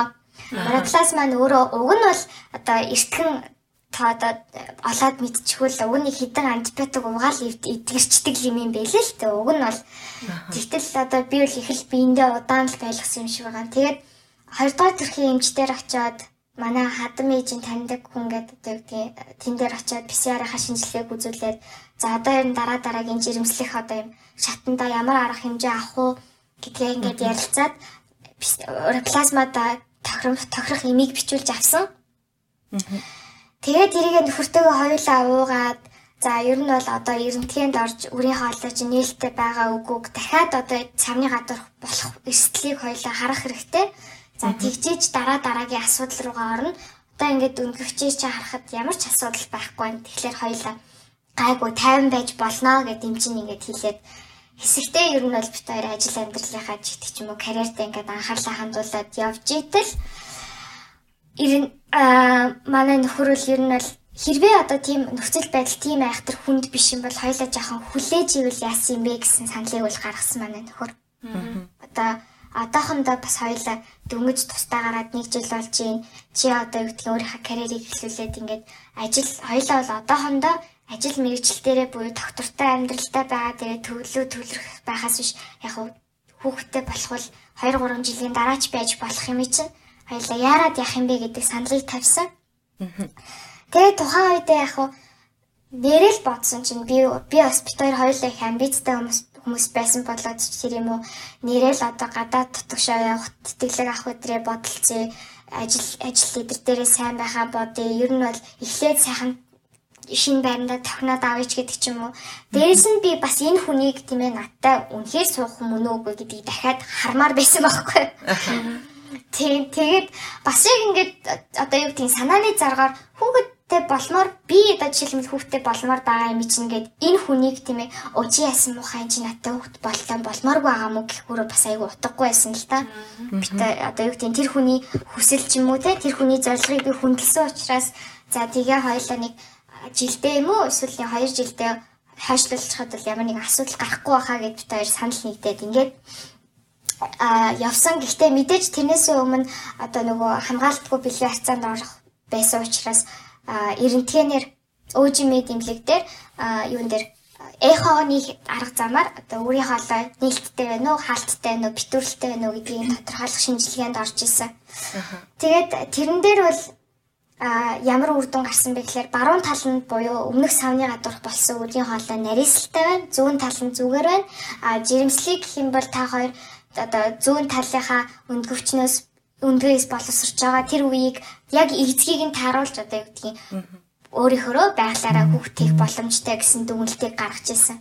Тэгээд ингээд 2 жилийн хугацаанд за нөгөө хүүхд мөхт гэдэг юм чинь бүр ор тас мартвөө. Би ч мартлаа, манай нөхөрч мартлаа. Гэтэ манай хадам ээж бол ер нь бол битүүхэндээ тайруулаад асуугаад байдаг лсэн л та ер нь одоо хідээ хизээ хүүхдтэй болох ч байна. Одоо нас чинь арайтлаа. Та хоёр ч одоо айл үжээ бирээ бирээ гуйгаа гуйгаад одоо юу гэдгийг хамтран амьдраад 2 3 жил боллоо. За одоо хүүхэд яасан бэ л гэдэг асуудал бол ер нь бол айгүй ойр ойрхон яригдаж эхэлсэн. Тэгэл нөхөр маань манай үеэлийн хүүхэд манай гэрт нэг сар ирээл ер нь бол хүүхэд амар хөөрхөн юм байна. Хүүхэдтэй болох одоо сэтгэл зүйн хувьд бэлтгэлтэй юм байна гэдгийг бид тээр хоёулаа айгуу сайн тэр үед ойлгож авсан. Тэгээд ер нь жижигхэн ээж гэдэг нэрийг авсан байхгүй юу? Яг тэр нэг сарын хугацаанд дөнгөж хөлд орж яхад нь юу гэдгийг одоо хамгийн л хүүхдийн хөдөлгөөнтэй энэ үед нь бид хоёр хамт байж ер нь бол хүүхэд уйлж ойрлж хашгирч гэдэг ч юм уу те эсвэл одоо ийм юм асуудал ер нь тулгардаг юм байна. Хоёулаа энэ бэлтгэлтэй байгаа юу үгүй гэдгээ яг тэрэнд л яг ойлгосон ер нь бол яг аа за хоёлаа болцсон юм байна гэдгийг л аягүй сайн ойлгосон. Тэгээд энэс хойшоо ер нь бол одоо Гималаги Викер өндгөн өндгөрч дэмжих юм уусан. За манай нөхөр болохоор спемэн гээд одоо эрэгтэй хүний спем сайжруулах ямиг бол ерөнхийдөө нэг 4 сарын хугацаантай уусан. Тэгээд яг хуу битаарч бас өөрсдөө л айгүй гинэн л хүмүүс л юм л да. Тэрийгээ дахиад шалгуулъя гэсэн бодол ерөөсөө орж ирлгүүгээр л сэтгэл хөдлөлөөрөө за та хүүхдтэй болъё л гэл дайрцсан дахиад савны гадуурх болж таарсан. За айгүй хүнс цохилт болсон. Би яг төрсөн өдрөөрөө яг савны гадуурх болцсон гэдгийг мэдсэн. Яг тэр нэг имлгээс л уйлал нэг юм усан нүдлэл нэг юм гараал явж исэн айгүй одоо сайн сандгийн. Тэгээд гол нь тэр савны гадуурхыг би айгүй оройтож мэдсэн шалтгаан маань миний биений юм ирсэн байхгүй юу? Сарын тэмдэг ирсэн, 4 хоног ирсэн үү ирсэн. Яг гой сайхан хэмжээндээ ирсэн үү ирсэн. Гэхдээ сарын тэмдэг дуусаад нэг 2 хоногийн дараа доошоогоо жоохон жоохон юм цусрахыг юм гараал хэлсэн. Тэгэл хаяада зүүн талаар ингээл час час час хийж өвдөл. Тэгэл вирус за энийг юм болохоо байлаа гэл тухайд ч яг карантин тавигдсан байсан. Ер нь бол эмнэлгүүд өөрсдийнх нь одоо яг улсын эмнэлэг биш бол хувийн эмнэлгүүд аюу хэцүү хүн хүлээж авахгүй манайх үзлэг хийхгүй байгаа ч гэдэг ч юм уу нэг ийм асуудалтай яг одоо ийм хүл харааны эд дэглэмийн үеэр л тийм асуудал тулгарчихлаа юм л да. Тэгээд Аз болж нөгөө өөжмэд дээр би өмнө нь эрентгээний үрийн холооны шалгуулах ажилбар хийлгэжсэн тулдаа өөжмэд бол за та ирээд үзүүлчихээ гэж азар хүлээж авч би эрт юу нь бол одоо савны гадарх болчихжээ гэдгээ онцлуулсан. А магадгүй өөр өөжимэд хүлээж авахгүй гэдэг юм өөр бусад эмнэлгүүд хүлээж аваагүй байсан бол тэр дотроо яг хагарахад бол нэлээд бас ойрхон байсан юм билээ. Тэгээд за эмнэлэг одоо нөгөө дурангийн хагалгаа хийлэх гэсэн чинь ковид гээд хүлээж авдаг эмнэлэг байдгүй хариаллынхаа дагуу заавал их нялхс дээр очино их нялхсан дурангийн хагалгаа манайх тийм юм хийхгүй заавал нээлттэйгээр орно гэж салтгүй. Хоёрдугаар төрөх гуравдугаар эмнэлэг гэл ингээл баахан юм эмнэлгээр явлаа. За эцэс үлднийг арай ээж нэмүү нэгдүгээр төрөх дээрээ дахиад дурангийн хагалгаар орох боллоо. Маргааш нь юу юу гуглэрт босоод ковидын тест өгвөл эмнэлэг дээрээ очиод хүлээж аваад тэгэл ерөөсөө ингээл өрөөнд дотор ингээл дахиад хайчиж байгаа юм чи. Тэгээд хамгийн одоо инээдтэй ч хүү юу ч хүү орж ирснээ өө бид нар чамд юу хийх боломжгүй юм байна. Дурангийн хаалга хийх боломжгүй юм байна. Та одоо ингээд манай имлгээс гараа гэдэг байхгүй юу? Яагаад? Би ч одоо ингээд үгүй яагаад би ингээд одоо ингээд дотроо баг ингээд харах гад намайг одоо янз бүрийн 6 7 хоногтай энэ ингээд бараг л хаглаа гэд хамгийн одоо нарийнхан хэсэг дээр тогтцсон байгаа учраас ингээд доошоогоо цусрахыг юм ингээд гараад айгүй ингээд хэцүү байна гэд ингээд ингээд тайлбарлаад учирлаад хэлсэн чинь за байж байгаараа гэж эргэж ирээл одоо ингээд ковидос болоод чи заавал харьяаллынхаа дагуу ихний хэлхс дээр очих хэвээр. Одоо бид нар зөвхөн хаан уул дүргийнхний хүлээж авч байгаа. Тийм учраас бид нар чамд операц хийх боломжгүй. Нэг үл чи хувийн эмнэлэг дээр очоо. Гарч яваа дахиж яваад гурван гал дээр очоод хувийн эмнэлэг дээр нь очоод өгөх гэсэн чинь одоо юу гэдгийг хаалгаанд орё гэсэн чинь өнөөдөр хийх боломжгүй. Эм чин байхгүй. Сая 300 штэ мөнгөө төлж чадах уу гэд ингээ өөдөөс дапалж байгаа юм шиг. Тэгээд юу гэж жаалах юм? Хүн нь оруулахгүй гэж ач шийдэг байгаа байхгүй. Ядаж үзлэгэнд оруул оруулж хийж гэх юм байхгүй. Нэрээс л нэг үүднээсээ л нэг юм харьцаатай. Тэгээд буцаад нэгдүгээр төрх дээрээ очиж за өстой дээгүр доогоор таньдаг бүх мэддэг хүнээрээ ингэж яриулж иж дурангийн хаалгаан дээр эцэст нь нэгэн өдөржингөө үлэн байж байж оройны 4 цагт дурангийн хаалгаанд орж байгаа. Тэгээд дурангийн хаалгаанд ороод дахиад намайг яасан бэ гэсэн энэ удаа бүр жирэмсэн жиш хүүхэд төрүүлсэн дүнгэж шин яриануудын тасагт хамт оруулсан. Яа. Тэгэл шүнжэнгөө нөгөө маамнууд ч уйлж байгаагүй. Тэр маамнууд ч бурууч гэж юу ахав тэ тэгэл ингээл тэр чин дүнгэж шин төрцөөж ингээл хүүхдээ хөхүүлэл ингээд сууж байгаа. Яг хажууд ингээд сууж байгааг харах надад аюул эвүүлсэн л та. Тэгэл тэр оройн айвд ингээл юу гэдгийг тэр чин дуран хэдий дурангийн хаалгаа ч гэсэндээ хурдан тэнхрэх хэдиж яг тэр өдрөө бол мэдээж зовёртой совлогчаа гэдээ дуудаад юусоо ирдгүү шээх гэд шээс хүрээд болтгоо тэгээд аз болж нөгөө памперс авцсан байсан тэр памперсаа л өөрөө өмсөж байгаа байхгүй Доороо ингэж нэг бие хөдөлгөж ирж байгаа. Доороо памперсаа нэг ингэ дивсэд нэг учрыг нь олоод тэгэл ерөөсөө өвдөд болдгоо хажуудлынхаа юун дээр тавцсан дээр тавьсан байсан. Өвчин намдахлаага өөрөө шүдэрээ задлал ингээл хийгээл. Арай нэг мүйж унтаал өглөөс ирчлээ юм л та. Тэгээ ер нь бол тухайн үед ковид үед эргэлт авахгүй юу хагаад халдвар гарах магадлалтай совлогч нь орж ирэхгүй Тэгэл өглөөс ирсэн чинь хажууд яг нэг кейсвэрээр төрсэн эмэгтэйг оруулж ирээл хүүхдтэй шилхэн хайчиж байгаа байхгүй юу? Тэр эмэгтэй нээлттэйгээр кейсвэрээр орсон байхад хүүхдээ хаана яаж тавьж хүүлэхээ мэдэхгүй нэг биеэж хөдөлгөж чадахгүй нэг юм нэг хөөрхий би ингээд зовлонг нь ойлгоод байгаа байхгүй юу? Тийм л тиймэрхүү байдлаа. Тэгэл ерөөс тэр өдрөө байж байгаа л 3 дахь өдөр нь ямар нэгэн одоо юу гэх өрөвслийн эсрэг чи гэдэг ч юм уу нэг тийм юм тариа хийлгүүгээр аа нэг нэг 2 3 хоног байлгачаал тэгэл гаргацсан. Одоо ингээд гарахгүй бол болохгүй нэ гэл. Тэр тэр одоо ерөнхийдөө бол сүүлийн савны гадуурх маань бол нэг иймэрхүү нөхцөл байдалтайгаар дуусч байгаа. Тэгэл ер нь сарын дараа за одоо энэ удаагийн савны гадуурхыг ингэж хайж болохгүй юм байна. Яралтай арга хэмжээ авах хэрэгтэй юм байна гэд. За ер нь иймэрхүү савны гадуурх болсон эмэгтэйчүүд ямар арга хэмжээ авдгийг судлаа. За тэгээ судлаад үзсэн чинь чимэг оюу гэж нэг имлэг байдаг юм байна. За ер нь бол э, одоо нэгдүгээр төрхтөр дурангийн хагалгаагаар сэтгүүрдэн гэж бас байдаг юм байна тий одоо нэг өөрийн хоолойд байгаа наалтцыг дурангийн аргаар салгах ч гэдэг ч юм уу. За ер нь бол хамгийн одоо байж болох өөрийн хоолойны битүүрлийн эмчилгээ бол юу вэ гэхлээр нэг үл сэтгүүр хийлгэн а нэг үл дурангийн хаалгаанд орно. За нэг үл уламжлалтаар л явах байсан юм байл байдгийн байлээ. Тэгээд чимэг оюустай айгуу сайн ер нь бол 7 удаа савны гадуур болсон эмэгтэй ч ер нь бол жирэмсэн болгож исэн гэл ингэлээр айгуу л итгэл төрөл ер нь бол явж утсан л та. Тэгээд очиад үзүүлтэл зүүн талынхаа одоо нөгөө хагалгааны дараа ямар нэгэн байдлаар им тариа хийгдээгүй антибиотик ч гэдэг ч юм уу те ямар нэгэн байдлаар араас нь ерөөсөө гам бай одоо им тариа хийлгээгүй учраас айгүй амархан өрөвсөл өгөөд өндгөрч маань өрөвссөн байсан. Тэгээд ингээд ер нь бол одоо айгүй их би сунжирч ярьж байгаа хальтаа гэхдээ би юм одоо юу гэдгийг деталь энэ одоо энэ өргөдлийн асуудал дээр деталь ярихгүй л ингээд товчлаад ярьчихаар ингээд нөгөө юу гэдгийг зарим нэг жижиг поинтэд алдах гээд байгаа болохоор та хоёр маань амар төвчээр гараа сонсож байгаа шиг байна.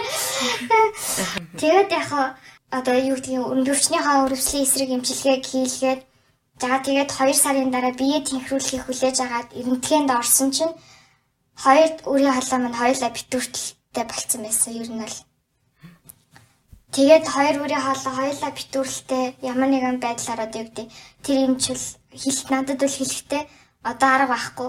Энийгээ шууд ахвал яа сэтгүүрдлээгээд яах юм? Эргээл дотор нь гадны биет буюу багаж орж байгаа учраас наадах чинь эргэж дахиад наалдаж зүсэл дахиад битүүрнэ. Одоо чи өөрийгөө ингэж юус зоогоод хэрэггүй шулуу бошгоо шиг сэтгэл шулуудаад ингээл өрөө хаалгаа дурангийн хаалгаар яаралтай орж ахвал. Гэл ингээл а нөгөө нэг эмчтэр нь очих болохоор үгүй ээ сэтгүүр хийгээд наадах чинь нэгддэг юм аа. Тийм тохиол байдаг юм. Тэгээ чи өөрөө тэгээд өөрөө тэр эмч чинь үнэн бодтой юм хэлж гин гэж бодож байгаа л тэр эмч тэр чи очихгүй юу гэл ингээл нэг иймэрхүү. Тэгээ манай ээж аяух тэгдэг байсан байхгүй. Аяух хэцүү юм аа ингээд хоёр эмчнэр нь хоёр би нэг үүсгэж юм. Яг би нэг ингээд дунд нь теннисний бөмбөг шиг нэг нь ч болон ч гэж хэлээл нэг нь ч болохгүй гэж хэлээл өстой. Утгагүй юм аа. Яг ижилхэн нэг юм хэлж байгаа хүн нэг ч алга гэл үгээ хэлсээр орж ирдэг байсан байхгүй юм лээс. Аа. Тухайн үед би зовлонг нь ойлгодгүй л ажилтэй. Гэтэл яг одоо ингэж жишээлбэл би яг одоо үрийн хоолойгоо ахуулах уу үгүй юу гэдэг шийдвэрийг гаргах гээл 2 3 эмнэлгээр 2 3 өөр эмчийн эмийг сонсоод ингээд сунгууд 3 өөр юм ярина. Бүгдээрээ нэг нэгнийхээ шинжилгээг хүлээж авахгүй. Тэнд хийлгэсэн юм аа үгүй манайх заавал өөрсдөө хийлгэн. Дахиад заавал шинжилгээнд ор. Үгүй ээ. Наад операц чинь манайх яадаггүй, дэмждэггүй. Тийм учраас бид нар өөрсдийнхээ аргаар оншилж үзнэ. Энэ болгонд миний биеийн дотор байнгын гад одоо гадны дотны биет орж ирнэ. Заавал нөгөө төмөр тиймээс хамгийн наазах нь зеркэл тавиал ингээл толин толины үзлэг хийгдэл энэ чинь гадны биет ороод дахиад өсөх замын халдвар болох магадлалыг дахиад нэмэгдүүлж байгаа байхгүй. Энэ мэтчлээ ингээд юу гэдгийг яг тайвтай нэг онш гарах гэхлээр нэг шийдвэрт хүрэх гэхлээр 2 3 юм жүүр юм хилдэг ийм тохиолдод бол аюу хүүссэн. Тэгээд яг сэтгүүрт ер нь бол за яг хүн өөрийнхөө байглаас өгөгдсөн өөрийнхөө олгоо салахгүй авахгүй байхыг л үзэж байгаа юм чинь нөгөө талаасаа бас өөрөөрөө болох гэсэн найдвар байгаа учраас сэтгүүрийг хийлгэхэд зарим.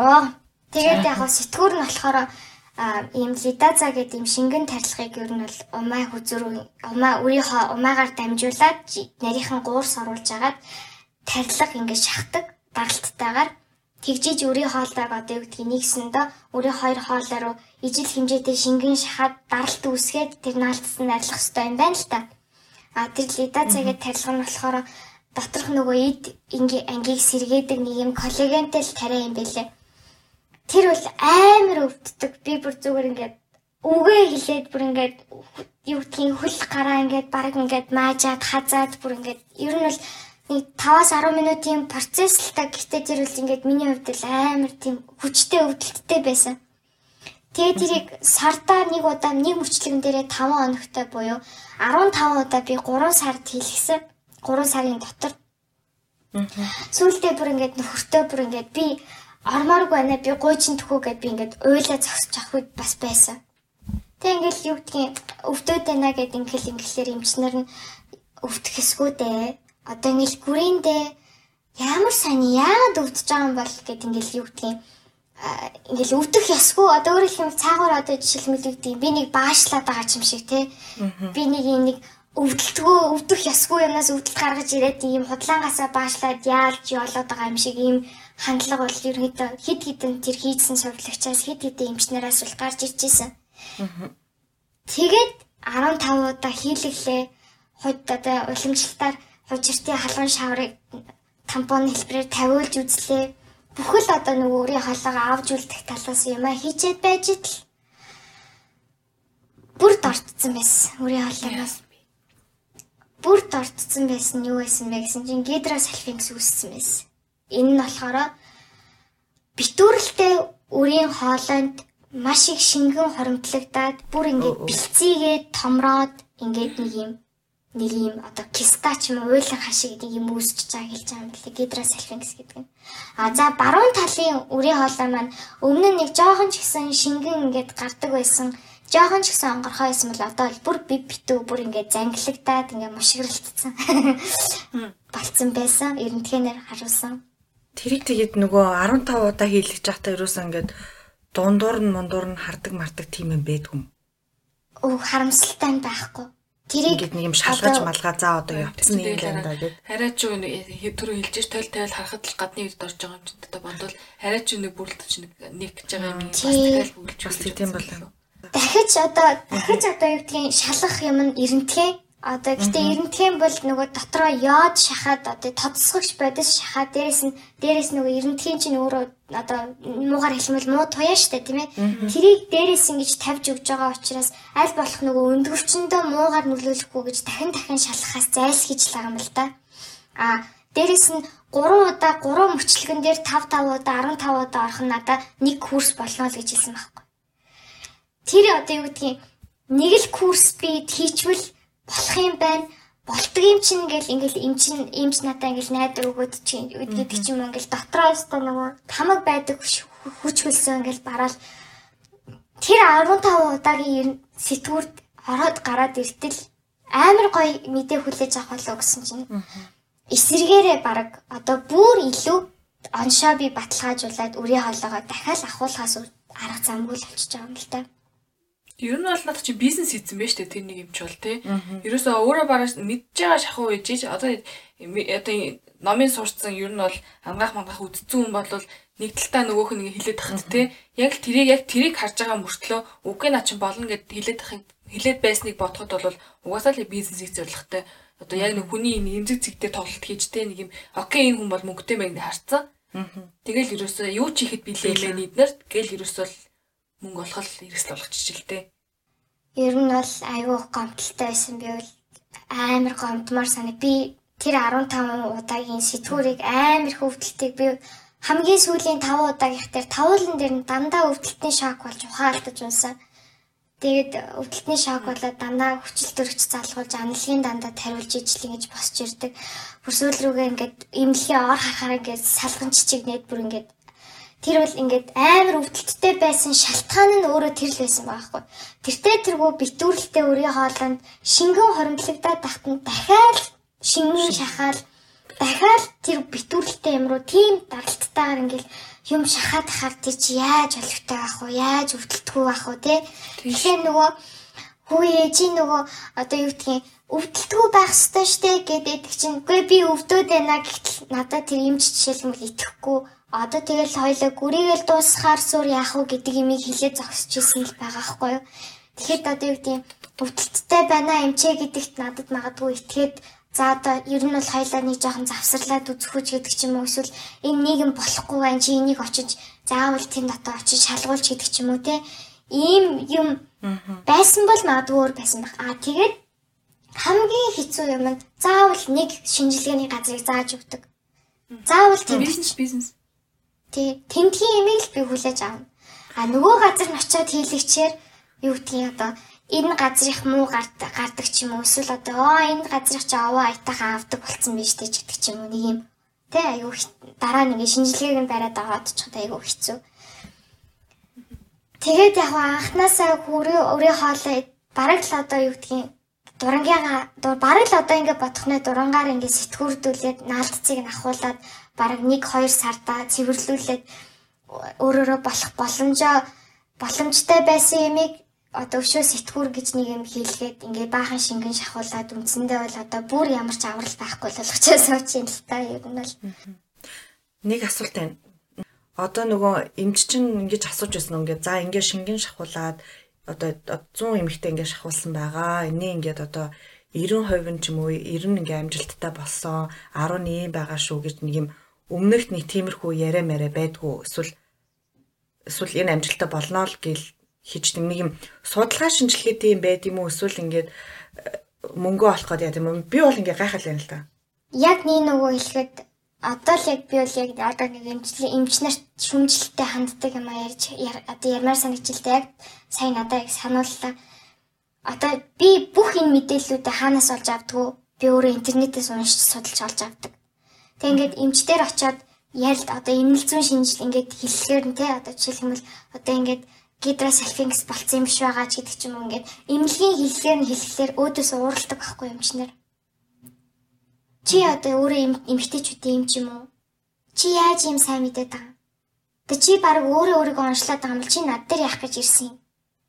Гэтэ яг эсэм дээр би өөрийнхөө эмчилгээний үр дүнг би мэдгээд мэдмээр байгаа хгүй тий. Миний уншиж судалсан юм үнэн байна уу, худлаа байна уу гэдгийг би бас тэр хүнээс давхар баталгаажуулмаар байгаа хгүй. А дээрэс нь одоо юу гэдэг second opinion гэж ярьдаг штэ тий. Би давхар өөр эмчээс ийм юм сонслоо. Эмчээ энэ үнэн үү? Одоо жишээлбэл би үрийн хоолойгоо заавал авах гэж байна. Энийг өөр ямар нэгэн байдлаар эмчлэг харахгүй гэж байна.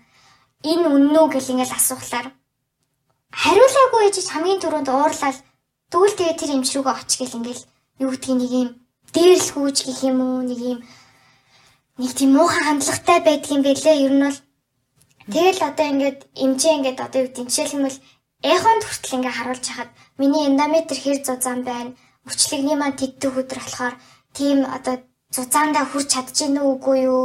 Хідэн фолликул ялгарч ийн гэл ингээл Өөрийн уг нь бол би ингээд эмчтийг аягуулсаа ойлголцох гээд ингээд хичээгээд идэг те. Би өөрийнхөө нөхцөл байдлыг бүрэн ингээд ойлгох гээд ингээд асуунгууд хэлхээс татгалцдаг ч юм уу. Эсвэл юу гэдгийг одоо нөгөө л нэг юм нэг үрийн хоолой сав ингээд өндгөвчтэй ингээд тавьсан юм дээрээ за энүүгээр чинь одоо ингээд үрийн хингээ орж ирээд ингээд өндгөөстэй чи энд дуулзаад гэтэл чинийх энд ингээд тагларсан байгаа хгүй юу гэд би тэрийг хэмэр одлон эмчнэрээс тэр тэргүй сонсоод би ойлгоод юу асуудалтай байгааг мэдээд багт чинь дахин дахин тайлбарлаад миний асуултнаас ингээл зүгтаал тойроод бараг л ингээл олигтой хариулт өгөхгүй байсараад гаргадаг эмчнэр зөндөө байсан. Тэгэл ингээд юу тэгснээ ингээд хамгийн сонин нь бас зарим нь ингээд дотор нь хуруугаа хийж үзнэ. Тэгснээ ингээд ингэж эргүүлж тайруулж үзэл ингээд бараг л одоо юу гэдгийг ингэж ингэж харж үзэж байгаа л олигтой хэллэгүүгаараа явчихна. Зарим нь болохоор интернет дээр юу умаа зураг гаргаж ирж байгаа. За энэ бол өндөвч гэдгийг, энийг үрийн хоолой гэдгийг ингээд тайлбарлаа суучна. Тэгээ тэр болгоныг ингээд эмчнэрийн өөдөөс ингээд одоо нөгөө үг хэлчихвэл юмаа тайлбарлаж өгөхгүй болов үзгүйгээд гаргачих юм болов гэл ингээл нэг айцтай ааха ааха гэж сууд сууж байгаа л асуултаа тавихлаа. Одоо тэрийг одоо хэлж мэдэхгүй шүү дээ. Одоо хоёлаа хэлж мэдэхгүй. Энийг ингэн тэгжиж үзнэ, ингэжиж тодорхойлно гэл нь ерөөсөө нэг юм л байдаг. Тэгээд ер нь бол яг ингээд одоо юу гэдгийг манай ээж бас юм юм одоо юу гэдгийг гадны одоо юугаар өргөдөлтэй болцсон тийм ээ. Би одоо өөрөө бас давхар нэг юм өөрийнхөө буруугаас ч их нэг юм өргөдөлтэй болцсон. Гэтэ бит хоёрын одоо жишээлбэл яг эмнэлгийн хүрээнд эмчилгээний хүрээнд тулгарч байгаа юм яг ижилхэн байдаг байхгүй. Тухайн үед манай ээж өөрөө бас л ялгаагүй ингээл уншиж судлал эм чи ийм байна, тийм байна гэж тайлбарлахад нь яг л ялгаагүй уурлал тэгвэл бараг л ингээл юу гэдгийг чи яасан их мэдлэгтэй тэгвэл одоо чи өөрийгөө тэр яг хандлага яг над дээр давхар гарч ирж байгаа байхгүй. Тэгэл нэг юм тенсний бөмбөг шиг хоёр нэгний хооронд а тэгвэл тийшээ оч а үгүй тэгвэл тийшээ инг гэл нэг юм нэг чиглүүлж өгсөн л байдалтай болохоос биш яг одоо ингээд тэр процесс донд би ямар их юмыг туулаад гарч байгаа. Тэнд би цаг хугацаа санхүүгээрээ тэр их олон тэр хүний тавьж өгж байгаа шинжилгээг хийлэх гэж ямар их тийм юм зарт яд. Ер нь бол явагдаж байгаа тэр эмчнэр л төдийлөн ойлгохгүй л байгаа юм л та. Тэг яг тэр хүмүүс л ойлгох албатай биш. Гэхдээ магадгүй ядаж нэг харьцаа гэдэг ч юм уу нэг юм энэ хүн ийм асуудалтай тулгараад байгаа учраас ядаж нэг зохимжтой хариулт өгөх тал дээр нь ямар ер нь л 0 манайх бол Одоо тэгээд миний хувьд бол манай ээж Викторийн хувьд хоёулаа л ижлэгэн онштой үр шилжүүлэн суулгах. А гэхдээ манай ээжийн хувьд бол үр шилжүүлэн суулгахдаа заавал глүү буюу одоо нөгөө умаа ханд бэхэлж нааж өгдөг юм тусгай цавууны тусламжтайгаар наах ийм заалттай. Яг хөө тэр одоо наа цавууг бол хуваараа нь бол өөрөө авах боломж бол байгаа. Гэтэ заавал эмнэлэх нь бол заавал өөрөө 3 4 дахин нугалсан үнээрээ заавал одоо хэрэглэнэ ч гэдэг ч юм уу тий. Одоо ер нь л манай ээжийн хувьд л яг боломж байгаа ч гэсэндээ энэ үр шилжүүлэн суулгахаас татгалзсан шалтгаан нь аа ер нь бол эрсдлээс аягүй айсан. Санхүүгээр хохирох уу, хохирохыг гэж айсан. Бас дээрэс нь дахиад нэг ихтгэл найдвартай байж байгаа тэр нь ингээд дахиад н унтарчихгүй гэж ер нь л аягүй хайсан тий. Аа миний хувьд юм бол одоо хүн эргэн тойрны хүн болго өөр юм хилдэг, эмч болго өөр юм хилдэг. Ингээл жишээлх юм бол юу гэдгийг яагаад үрийн хоолойгоо ахуулах чам үүстэй битээ ахуул чинь ингээл итгэрчдэг наа чи өөрөө ингээл хатангашаал алга болчдөг гэл нэг хүн тэнд хэлж байгаа жишээ те. А нөгөө нь болохоор яаралтай ахуул гэл ингэдэг. Энэ болгон донд ер нь бол яг шийдвэр гаргаж чадахгүй ингээд яг зогссон байж байгаа.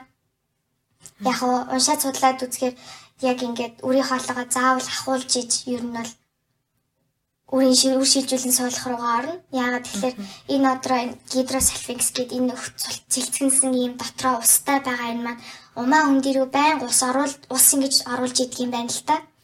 Тэгээ нөгөө үр шилжүүлэн суулгахаар ингээд тавьсан байгаа нөгөө эмбра буюу үр хөврлийг чинь тэр ус нь ингээд угаачдаг юм байна. Тэгээ угаагаад өөрийнхөө үрийн хоолой руу эргэж татаж аваад дахиад савны гадуурх болгодог нэг үл зулбуулчдаг юм байлээ.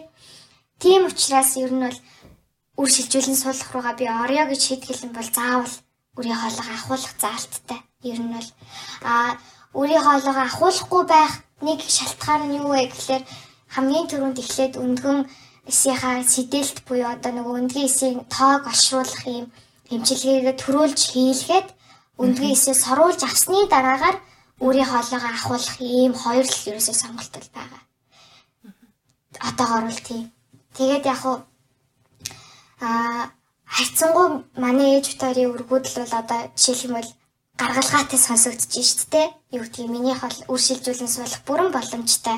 Өөрийн хоолойгоо л ахуулах ахуулахгүй дээрэл би эргэлзээд байгаа болохоос биш. Суулгахчхал юм бол ер нь бол ямар нэгэн байдлаар одоо амжилттай байх магадлал нь бага байна гэсэн юм бол байхгүй. А манай ээж бол өөрөө л зариглаад юу гэдгийг санхүү бүх юмаа ингээд хамаагүй гэх юм бол бас л одоо юу гэдгийг гайгүй тэгээд гаргуул гаргах магадлалтай га. Гэтэ яг хөө тэлт явц дундаа л одоо асуудал үүсдэг юм гэсэн. Хамгийн хэцүү юм өндгөө эс дуусах. Өндгөө эсгүй болох, өндгөө эсгүй байх. Тэр л бол ер нь бол миний одоо таарлтжсэн эмгтээчүүдээс өндгөө эснийх нь нөөц дууссан, өндгөө эс нь боловсрохгүй байгаа гэсэн маш олон эмгтээчүүд байсан. Хайцсангуу миний асуудал бол тэдний хажууд бол шийдвэртэй те бас нэг гарцтай. Тэдний хувьд бол өөрийнхөө өндгөө эсийг өндгөө эсээр хүүхдэд болох боломж байхгүй байна гэдэг үл тэгэл яа асар хүнд тусчил байгаа л ахал та. Монгол тийм өндгөө эс одоо нэрхтэн хүмүүс эксперимент хандилж байгаа шүү дээ. Яг тэрэн шиг өндгөө эсээ хандилдаг. Хандуулах юм уу тийм? Хандуулах одоо спент юм чи хандуулах хэрэгтэй монголоор. Тий. Хандуулах тийм үйлчилгээ байгаа. Одоо энэ үр шилжүүлэн суулгах төвүүдэд бүгдээнд нь байгаа одоо ялангуяа намайг бол одоо жишээлбэл ингэж аахгүй чи 25 та ами чинь одоо хит хит өндгөөс гаргуулад авчих тэрийг өнөхрийнхтэйгээ нийлүүлээд өөр хөрөл болгоод банкнд хадгалуулчих хаа. Тэгээ одоо чи нэгэнт үрээ үрээ үрээ хаалга авахулчих юм бол дараа дахиад үр шилжүүлэн суулгахаас өөр жирэмс одоо жирэмслэх өөр арга байхгүй учраас тэр үедээ дахиж өндгөө эсээ саруулж одоо юу гэдгийг 30 тагийн өндгөө эсээ үр хөврөлд оруулах гэж үзэжсэний оронд аль 25 тагийнхаа үр хөврөл үүсдэг үр хөврөлийг суулгах нь чамд илүү хамрал гэж байгаа юм л та. Гэхдээ сарын банкны хадгалалтын мөнгө нь нэг үр хөврөл нь л 525 мянга. Сартаа гэсэн үү? Сартаа тий. Сартаа тэр чинь бас л одоо юу гэдгийг нь одоо манай нөхөр битэр шиг нэг юм бараг л өдөр шингүү ажиллаж ийж одоо дундад дундаж ийм давхраг дамжиж байгаа нэг юм энгийн айлт бол энэ айгүй том хэмжээний мөнгө байлгүй яах вэ? Тэгээ дээрэс нь одоо юу гэдгийг ихэрлэх үү ихэрлэхгүй юу гэдэг бас асуудал яригдчихэж байгаа. Жишээлбэл зарим одоо үр шилжүүлэн суулгах имлэг дээр бол 2 3 өөр хөврлийг шууд одоо юу гэдгийг суулгаад тэрний нэг нь суух уу, хоёр нь суух уу, гуруулаа суух уу гэдгийг одоо юу гэдгийг аз туршсан байдлаар үздэг бол зарим нь одоо зөвхөн ганцыг тавина гэж юм те. Ер нь бол сүүлийн үед Европын одоо юуны эмчилгээний заалтаар англи эдэрт бол 37-аас доош насны эмэгтэйчүүд анх удаага IVF буюу үр шилжүүлэн суулгахыг хийж байгаа тохиолдолд хоёроос нэгээс дээш үр хөврлийг суулгахыг бол хариулсан юм байлээ. Яагаад тэгэхээр нөгөө тээлтэн дундаа асуудал үүсдэг. Ялангуяа над шиг 5 6 7 хоногоос илүү тээлттэй байж үзээгүй эмэгтэй хүнд ихэр хүүхэд ороод ирэхлээр ураг төрүүлж эндэх эсвэл жирэмслэлтийн явцад ямар нэгэн хүндрэл гарах ийм асуудлууд бол байдаг юм байлээ. Тэгэхээр нэг үр хөврлийг суулгаад тэр маань амжилтгүй болвол дахиад би нэг нэг үр хөврлийг дахиад нэг циклээр буюу одоо суулганаа л гэсэн үг л болчихлаа юм л да. Ер нь бол а хоёр гаруул одоо өстой нөгөө хоёр хоёрыг одоо суулгая гэж би одоо хэлхий одоо өөрийнхөө хүсэлтээр хэрэг жишээлбэл ихэрлээ гэх юм бол бүх эрсдлүүдээ маш сайн тооцох ёстой юм билээ. Одоо өөрөө эрсдлээл ер нь л үүрнэл гэсэн л үг л болчихчлаа юм л да. Жижиг ээжийнхаа яриаг ингээд сонсоо суугаар зэрэг яг л нэг юм ингээд хандаад яриад ингээд дотроо онгойлох газар бүр яг хэрэгтэй байсан л мэдэгдэж юм л да. Өмнө чи ингэж найз нөхдөд ярьдаг байсан уу? Аа эсвэл одоо ингээд яг яриад чиний яриаг ингээд тасралтгүй цаг сонсоод суух хүн ер нь чамд одоо ингээд байдаг байсан уу те хажуу одоо найз нөхөд ер нь юу гэдгийг гэр бүлийнхнаас чинь өөр дэмжих энэ асуудлыг яг өөрийнхөө асуудал юм шигээр ингэж хандах хүн хэр олон байх юм байхгүй шүү дээ ер нь бол энэ үргүүд л одоо би л гэхэд ээжийнхээ асуудлыг өөрөө л нүүр тулгарчиж ойлгож байгаа байхгүй тухайн үедээ одоо юу гэдэг манай ээж хүүхдээ алдчихал айгүй нэг хэсэг айгүй алкогол айгүй хэрэгэлддэг хэрэгэлдэг айгүй сэтгэл одоо готролд орсон байсан л та. Тэгэл тэр үед одоо юу гэдгийг ээж ингээл тэнхээтэй байл да тавчтай байл да ч гэдэг ч юм уу те. Айгүй л юм зал омглон л ингээл хандал та одоо юунд нь ингээд имзгэлтгээ одоо шууд зоригтой ингээд үр шилжүүлэн сулах руугаа аралтай болохгүй бол би тэр чиг чинь болоод үгэж гэдэг ч юм уу? Айгүй зоргоорой те айгүй дураарай. Ста нэрээ айгүй дураарай л юм ярьдаг. Хүн хүн болго айгүй дураарай юм ярьдаг. Жишээлбэл хамгийн наацхан нэг үргүүдлийн имжүүл тэгэл залуу юм чинь чи өөрөө хүүхдтэй болно гэж өөрийгөө стресстүүлээл үнчин тархиа ажилласаар агаад наа чинь үнчин тархи чинь өндөрчий чинь дарангуулад ингээд үр хүүхдтэй болж чадахгүй байна. Ерөөсөн мартчих. Битгий хүүхдийн талаар бод, битгий жирэмсэн болох талаар бод мартчих гэл ингэдэг ч юм уу те. Эсвэл өө тэгэл одоо ингээл аа тийм үү хэцүү юм те одоо нэг бодлын бас өөр хэлэх юм болдтгүй л хальта. Юу гэж хэлхий одоо яана ямар харамсалтай юм бэ гэд хэлчихээр одоо түрүүний нөгөө зайгийнх шиг одоо сэтгэлд юм хийчих болов гэд нэг юм айцтай байгаад байдаг. Оо болно гэд хичгэлээр юу гэдгийг одоо бас л болохгүй л яана ч гэдэг ч юм уу. Би бол нэг хэсэг аюух тийм toxic positivity-д аюу дургуулсан байсан. Хүн болгоно л ингээл болно болно шүү дээ тэгэхээр дотроо тэг болохгүй бол яах вэ? Надад тийм айц байгаад байна. Болохгүй бол яах вэ? Энэ хэрэг үргэлжлүүл яах вэ? Дахиад би энийг бөө болноо болно гэд 2 жил ч юм уу 1 жилийн хугацаанд хаялаа гэж бодоход би дараа нь дахиад толгоогоо шаагаад тэр үедээ би тэхгүй яалтаа гэд бодоод суучивал яах вэ гэл ингээл бод боддог ч юм уу те. Ер нь бол яг ийм өргөдөлтэй тулгарч байгаа хүнд үг онож хэлнэ гэдэг аюу хэцүү. Тэг би бол юу гэж зөвлөх вэ гэхлээр одоо өргөдөлтэй хэрвээ хиний нэгэн танд ч өргөдөлтэй хүн байгаа бол айгуу төвчээртэй сонсох хэрэгтэй Төрүүлж зөвлөхөөсөө илүүтэйгээр хин нэгний одоо ам дамжиж сонссон тэр юм сайн тэр имлэг сайн гэсэн шүү гэхээсээ илүүтэйгээр аюу сайн сонсох хэрэгтэй. Яг тэр хүнд тэр л аюу дутагддаг юм байлээ. Харин яг тэгэж мэдрэгдэж байна. Яг л бүр яг ярих хэрэгцээ байсан. Яг ингээл дотроо онгоолох хэрэгтэй байсан л хэрэгцээтэй юм байна гэдэг нь мэдэгдэж байна. Тэгээд э, дээр нь одоо хандаад би нэг өөрийнхөө бодлыг дундуур нь хэлчихв одоо энэ бүхэн яг юунаас үүдэлтэй юм бэ гэж бодлоо л доо. Яг яагаад энэ хүмүүс одоо яг гэдэг та хоёрын жишээн дээр аяж та хоёрын жишээн дээр аваад үзэхэд миний харж байгаагаар болохоор зэрэг ерөөсөө хүмүүсийн яриад хоёрын амьдралыг нөлөөлсөн байгаа санагдаж байгаа байхгүй.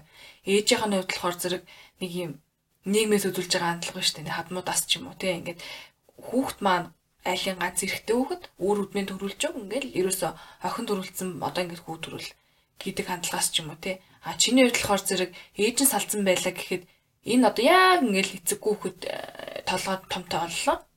Ихийг адууралаа. Эхнэр алгуул хүн шиг алга гэл ерөөсөө ингээл ийм хүмүүсээс иж байгаа хандлагалт хоёрын амьдралыг ерөөсөө яг сүтгэж айц юм шиг одоо санагдаж байна ингээд ирээ харангууд яг санал нийлэхгүй хүмүүс өндөө байж магадгүй л те юу яриад угаасаа л эмхтэн хүнтэй суус юм чинь хүүгэн дөрүүлж өгстэй хүмүүстэй гэдэг ч юм уу.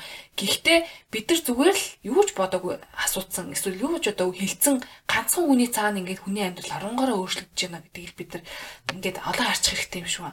Тэ ингээд өө нөгөө юу лээ суус хүүхэн хүүхд төрөлт хүм байлээ штэ гэд нэг юм тэр хүн зүгээр завтаадаа ч юм уу эсвэл зүгээр л бодоод өнгөрсөндөө ч юм уу эсвэл тэр хоёр хүн хүүхдтэй болморгүй байгаа ч юм билүү те.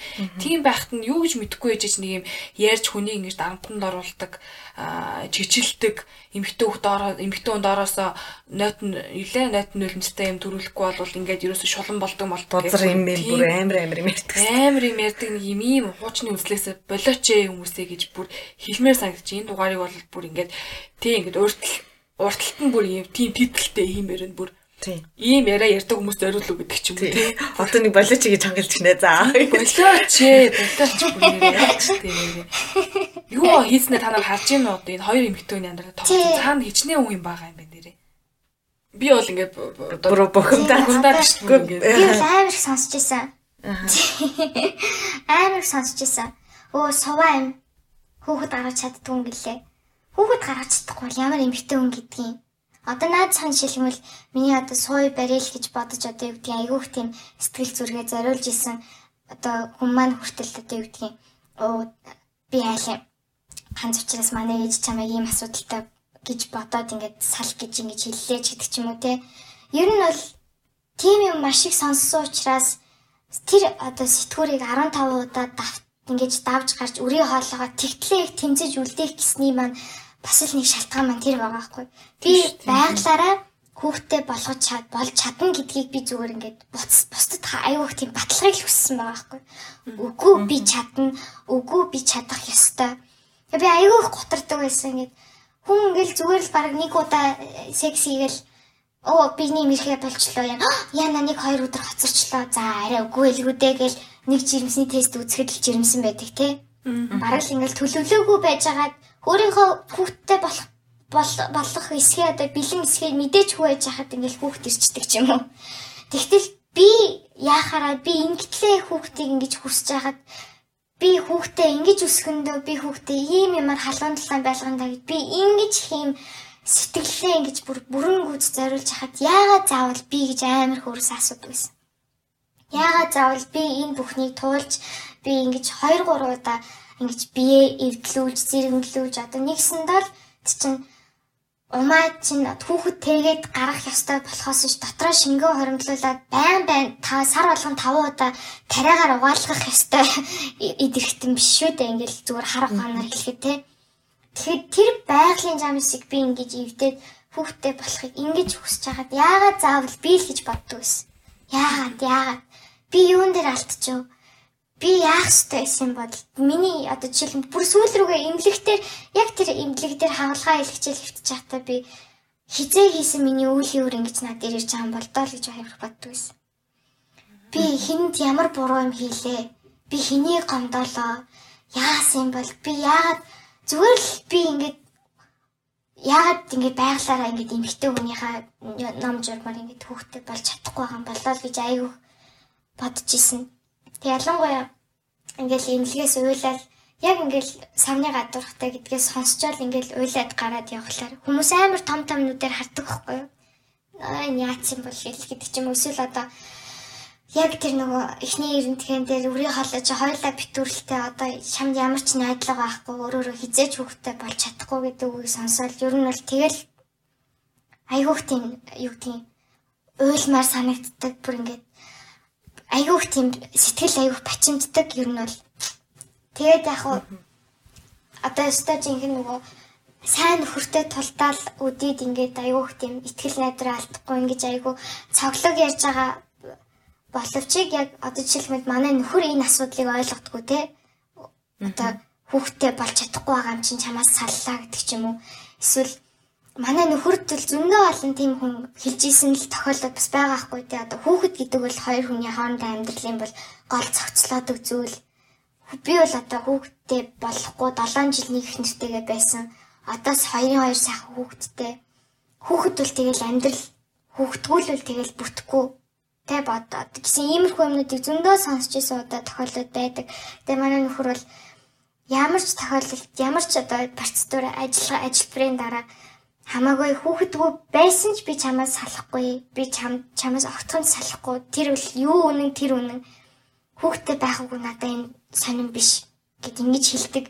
Тэгэд живэл айгүй төвчээртэй ингээд баярлаа ингээд миний хүүхдийг гаргаж өхийн тулд чи энийг зовлон төвчж чаад баярлаа гэж хэлдэг тулдаа би ингээд яваад байгаа байхгүй юу?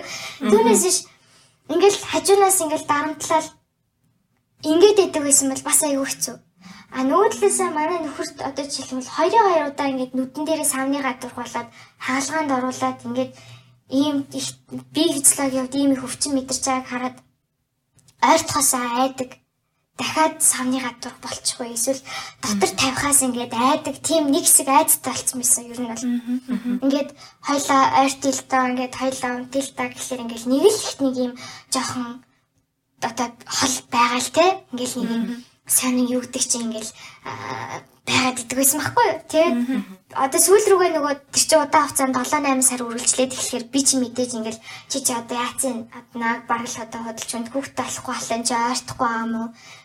Би ингээд чамд ингээд ийм гой сайхан байха болцсон юм уу гэхлээр яг ингээд хөрх юм уйлаад ярьж байгаа байхгүй ингээд би чамайг ийм би физиологи юмыг би чиний өвчнөөс авч чадахгүй. Тэг ингээд ингээд одоо юу гэдгийг тийм юм хий гэхлээр ингээд чиний ингээд яг хагалгааны хаз гарч ирээд ингээд хөвтөд байжсэн дүр зураг чи ингээд харагддаг надад айгүй айцтай байдгаа л гэж байгаа байхгүй. Энэ эргэтэй үнд хүртэл ингэж одоо юу гэдгийг сэтгэл зүйд нөлөөлөх хэмжээнд одоо надад жишээлх юм бол одоо хүүхдээ болчлоо л гэж ингээл бодгол юм бол ингээд дагаад миний бие физиологи хүртэл өөрөө ингээ өөрчлөгдөв тэлдэг. Ингээл нэг юм одоо яг овуляц явагдаж байгаа яг үнгээс боловсрж байгаа үе дээрээ хэрвээ би одоо нөхөртэйгөө ойртчих юм бол автоматар би ингээ за болцсон байж магадгүй гэж бодчихдаг. Тиймүүд ингээл хүүх ингээл сэрээгээл халууд үгээл одоо юу гэх юм яг нөгөө жирэмсэн хүн ямар шинж тэмдэг илэрхүү ингээл илэрж байгаа юм шиг цаанаасаа ингээл нэг бодогдоод эхэлдэг. Тэгэл нөгөө болцсон биш байгаа, болцсон биш байгаа гэл ингээл тестээр үзэнгүүд нэг зураас байнгут бүр ингээд сүүл рүүгээ бүр ингээд нөгөө бүр ширтээд ингээд дахиад нэг бүдэг зураас гарч ирэх нөө магадгүй жирэмсний их үе дээрээ байгаа болов гэл ингээл бараг гадны нөгөө гаднах нөгөө хуунцыг нь хуулж ийж байгаа гэрэл мэрэлт ингэж нөгөө ойлгож мэлгож хардаг. Нэг хэсэг би бол бараг нэг тийм жоохон сэтгэлийн жоохон юмтай болцсон байсан юм бол. Тэгэл нэг зураас гараад ирэхлээр бүр ингээл дотор гэтээ хизээч найдлах тасардгүй би маргааш дахиад тестээр үзэхээр магадгүй гараад ирэх юм болов магадгүй би цусаар хийгээгээ нөгөө одоо тийм жирэмсний даавар байгаагүй би шалгуулах хэрэгтэй болов гэл ингээл хизээч гомдол одоо тийм итгэл найдар алдахгүй байгаа хэрнээ ингээл юу гэдгийг өөр өөрийгөө тамлаа л ингээд байдаг. Тэгэл яг энэ нэгсэндээ би өөр өөрийгөө сайн дураараа сэтгэл зүйн хувьд бол айгүй муухай хүчиндж байгаа л хэлбэр байгаа юм л та. Тэгээ энийгээ зогсооё гэхлээр би одоо юу гэдгийг яаж зогсоох вэ? Одоо магадгүй жирэмсэн болж ижил За одоо нэг ашгүй нэг жирэмсэн боллоо гэж нэг санаа амарх бах. Түүнээс биш тэрнээс нааш бол ингээл шүн ундаж чаддгүй. Одоо ингээл яг эрентгээнд орохоос өмнө за ямар хариу гарах бол нөгөө миний хийсэн юм үр дүнгээ өсөн болов эсвэл одоо биений юм төхөөд ирэхлээр л за одоо хизээ ирэх бол ирэх гэж байгаа юм болов гэл нэг хоног хоцронгууд л болцсон юм шиг байгаа гэл ингээл ихтгэл найдвар төрчдөг ч гэдэг ч юм уу. Тиймэрхүү сэтгэл зүйн асуудлууд бол амар гарч ирсэн. Энэ тэг хүн хүнд сонсоход бол энэ бол айгүй инээдтэй. Одоо жишээлбэл манай хатам ээж, манай ээж хоёр энийг ингээд ярих гээд одоо юу гэдгийг найз нөхдөд яриад ойлгохгүй болохоор ижлэхэн эмэгтэй хүний хавьд ээжтэйг ингээл зөвлөлдөхгүй л ярина л та. Тэг ингээд ээжээ жимсэн бэлцсэн юм шиг байна гэл хөх сэрийгээл ингээл ингээд ах ингээл тийгод битээ тэгэл бодолтой нэтрийг л ингээл эсвэл сэтгүүр тэгээд ээж айгүй өвдөх юм айгүй айгүй өвдөлттэй би нэг яах вэ гэл ингээд нэг тийм эмэгтэй хүний нэг юу идэх юм шиг байгаа нэг юм. Одоо өөрийнхөө туршлагаараа ингэж нэг тийм юу гэх юм. Би илүү зовлон үзсэн гэж одоо юу гэх юм ярьдаг ч юм уу. Манай одоо ингээл хадам ээж өө өстө ээж нь гурван хийсвэрээр ингээд төрсөн. Ээжийнх нь үтсэн юм бол чиний хажууд юу ч биш. Одоо эмгтэй үе ийм л зовлон туулдаг юм. Энийг даваад гарахаас өөр арга байхгүй. Гэл манай ээж болохоор гэдгийг чи ямар над шиг хүүхдээ гар дээрээ тэрврээд ямар алдцсан байгаа биш. Тэ тэгэл хүүхдээ болохын тулд ийм юм хийн штэ үзэн штэ л гэдэг ч юм уу те. Тэнгууд би ингээд нэг юм одоо эмчнэраас нэг юм өвдөх ясгүй чи жахан баашлаад байгаа ч гэдэг ч юм уу эсвэл ингээд эрентгийн дунтуулахтаа орё гэхлээр 5 минутын ажилбар штэ чи тисэх хэрэгтэй штэ гэдэг ч юм уу ингэнгүүт би ингээд яг мухардаад би л одоо энэ асуудлыг айгу томор хараад байгаа юм байна. Би л баашлаад байгаа юм байна. Би илүү төвчих ёстой юм байна. Би шүдээ зуух ёстой юм бах та. Би үгтээ өвдөд нь штэ би энийг яах ёстой юм бол гэдэг ч юм уу. Иймэрхүү юмнууд айгу тийм одоо эрсдэс бодлууд айгүйх орж ирдэг байсан. Тэгэл тэгэнгүүт одоо юу гэдгийг аа ингээл одоо ингээд бас нөгөө талаасаа одоо хоёр ээж хоёулаа л намайг бас нэг юм хүч сэтгэлийн хувьд хүчтэй хаттай байх гэж л үзчихлээ байгаа хэл та. Гэтэ баг тэгж хэлснээр эсэргээрээ би дарамт авчиж байгаа байхгүй юу. Яна би одоо байхгүй юмыг байгаа болгож өвдөлтгүй юмыг өвдөлттэй болгож ингэж хотлоо баашилж байгаа юм биш байгаа. Гэл ингэж ингэдэг ч юм уу. Одоо надад учир биш байгаа. Би л одоо энийг ингэж давж чадахгүй ингэж сэтгэлийн хатгүй байгаад байгаа юм болов гэдэг ч юм уу. Нэг иймэрхүү бодлууд л аюу хорж ирдэг байсан. Яг нөгөө өөрөөсөө бурууг хагаал гэдэг юм л да. Чиний яриа ингээл сонсож хахад яг миний л буруу те би л буруутай гэд ерөөсөө нөгөө доторхоо ярихгүй байгаа болохоор ярих хөнгөө байгаа болохоор зөвлөгөө өгдөг газар байхгүй болохоор ингээд нэг юм бурууг нөгөө өөр хүнээс хайх боломж одоо юу гэдэг буруу гэхээсээ илүү нэг юм гарц байхгүй болохлээрээ гарцыгаа олох гэж байгаа нь ингээд өөрийгөө буруутгаад байгаа юм шиг надад бол яг тгий санагдчихэв. Тэгээд нэг юм зөвлөгөө өгдөг ч юм уу ягаад тийм газар өөрсө байдаг мэдгүй байдаг үгүй сайн мэдгүй л байна л да. Ингээд одоо хүүхдээ ахуулж байгаа тий хүнтэй одоо хүүхэд төрж байгаа хүмүүстэй нэг газар байлгаж байна гэдэг чинь зөвлөгөө өгдөг газар бол бүр байхгүй мэн гэж би бол хар ухаанда бодож суучлаа л да. Тэгээд нэг юм яг асуудал нэг байхад хажууд нэг юм сэтгэл зүйн зөвлөгөө өгдөг. За энэ хүмүүсийг чинь ингээд цаашаага тий одоо бэдлайт гэдэг ч үгтэй. Аваад таашна гэдэг. Тий аваад чиглүүлээ. явах юм байш үү гэсэн нэг тиймэрхүү газар амир дутаад байгаа юм шиг надад амир санагдлаа. Тэгээд Гэхдээ сэтгцэн эрүүл мэндийг ерөөс манайх авахгүй тэр зэгтэй байхгүй. Амар сэтгэлд одоо ингээд тийм чин баг ингээд төрснөө одоо эмгтээчүүдтэй хамт оруулж ингээд чинь бүр за ингээд үхээ гэж байгаа юм шиг. Тий ингээд бүр сэтгэл зүгээр ингээд бүр дарамтлаад депресс стресс юу гэдэг бүх юмд оруулаад ерөөсөө тэрийг л ойлгохгүй байна гэдэг чинь одоо манай эрүүл мэндийн систем ямар дороотлолд орсон?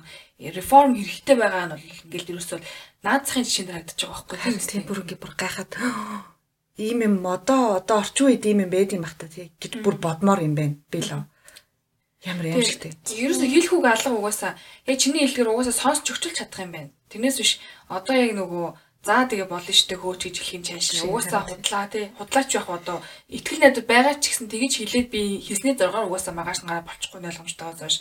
Худлаа сэтгэлийн тавьшруулах гад за тэггээд байгаарэ гэж яашин тий одоо ингээл залуу хүн штэ юм штэ. Угаас юу ч хэлээд хэрэггүй юм байна. Яг иймэрхүү асуудал төр хүмүүс зүгээр л яг сонсч л өгөөсэй л гэж хүсэж байна. Тэгээ ээж нар нь хүртэл тийм ярьдсан бол одоо өстө чиний ярих газар үнэхээр хүлээлгийн өрөөл байж. Тийм тэгээд одоо жишээлбэл хамаатай саднуудаас хүртэл ахуулаад ингээд нэг юм бодлогогүй хөхтэй хүмүүс зөндөл байдаг юм билээ. Одоо манай ээжийг ингээд яг хөхтэй алдцсан яг ингээд уйлаад яг тэр моментн дээр нь жишээлх юм бол за одоо юунд нь дахиж шундгийн юунд нь дахиж нэг хөхтэй болох гэж ингэж үздгийн. Хоёрын хоёрын сайхан охтой хахад юунд нь ингэж яадгийн ч гэдэг ч юм уу те. Эсвэл одоо юу гэдгийг одоо хүүхэд төрүүлж чадахгүй байгаа хүнийг одоо ганц ганц хүүхэдтэй одоо дахиж гарахгүй мó нас чинь оройтлоо нас чинь явлаа гэдэг ч юм уу те?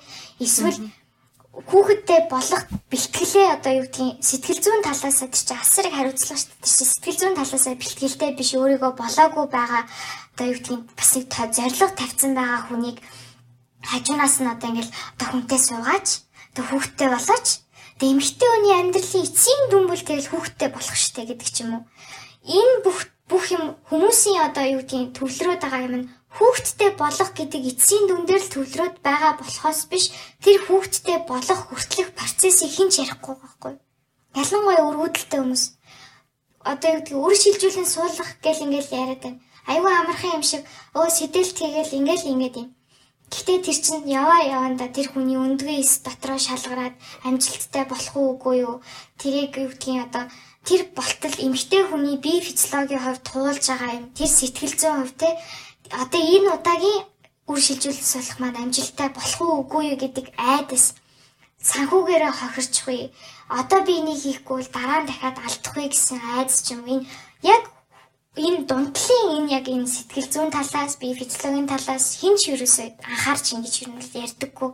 Одоо би энд одоо ингэж ярих нь утгагүй л дээ. Би энд зовоод штэ гэж ярих нь утгагүй тий. Одоо хүмүүс бол чи энэ асуудлыг өөр дээр л авчирсан байна штэ гэдэг ч юм уу. Ихэнх хүмүүс дээр одоо өргүүдл нь нэг хүүхэд гаргацсны дараа одоо манай ээж шиг хоёр хүүхэд гаргацсны дараа ч юм уу. Нэг хүүхэдтэй болцсны дараа үүсэж байгаа тий. Яг одоо ингээд анхлан нэг ч хүүхэд төрүүлээгүй над шиг ингэ хүнд бол бүр ингэж хэцүү одоо мөнгөний асуулттай хизээ хүүхэдтэй болох юм бол одоо юу гэдгийг адаглаад наазах нь одоо хизээ та хоёр хүүхдтэй болох чинь. За одоо хизээ хүүхдтэй болъё гэж бодож ийн гэдэг ч юм уу. Эсвэл одоо юу гэдгийг те тэр эмчтэй нэг очиод үзээч гэл ингээл хаа байрын хаа хамаагүй хүмүүс ингээл янз бүрийн комментууд орж ирэн тэр болгоныг нэрэж тийм юм болов гэж бодож суух үедээ бодно. За бас арай л бас амьдрал дээр буухгүй маач гэдэг ч юм уу те эсвэл бүр ингээд илдүүцээд дургу өрөөд бүр ингээд өөдөөс нь хэрэлдчмээр санагдах үе бас гарч ирнэ. Тэгэл одоо юу гэдгийг ингээл айгүйх тийм хүүхдтэй болно гэсэн бит хоёр юм тийм одоо юу гэдгийг хүсэл тэмүүлэлттэй байгаа болохоор одоо хүүхдээ ингэж өсгөх нь хоёлаа ийм ийм алдаанууд ер нь л ингэж гардыг байна гэл ингээл ингээд дотроо ингээд бодох бодох чинь төлөвлөх чинь нэг ясандаа зөв штэ ер нь гэхдээ миний буруу гэж юусаа хардггүй. Тэнгуут хүмүүс төрөөгүй хүүхдэд төмөрүүлээ юунд нь ингээл төлөвлөдөг юм. Тэгэл эхлээд болохоо бодохгүй юу даа ч гэдэг ч юм уу. Ер нь бол янз бүрийн хүн болгон дураараа ингээд нэг юм зоргоороо одоо би ээжтэй яг хилдэг байсан шиг юм хум ингээл хилдэг юм байлээ л дээ. Одоо тэрийг бол яг өөр дээрээ биеэрээ туулж үзээгүй хүн бол одоо яг магадгүй зарим намайг сонсоод иш чаавастаа юу ч нийтдээ юм дээр ингээд гиндэж гэдэг ч юм уу. Нэг иймэрхүү бодол төрж байгааг үүсэхгүй л. Тэгээ яг тэр процессыг даван туулж байгаа яг би өргөдөлтэй болцсон юм байна гэдгийг хүлээн зөвшөөрөх тэр хүртэлх хугацаа бол яг аюу хэцүү. Сэтгэл зүйн хувь талаасаа.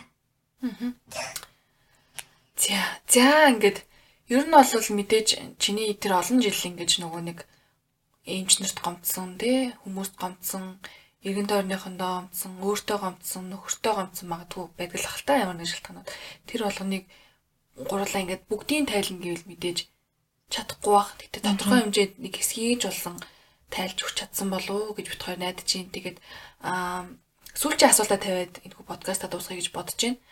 Аа яг чам шиг юм асуудалтай байгаа. Айгүй олон эмэгтэйчүүд байд юм байна. Яг тэр ерөөсөө сториг Instagram-ийн сториг хийгээл 2 цаг болгоод авахд бол бүр айгүй олон эмэгтэйчүүд холбогдсон байхгүй.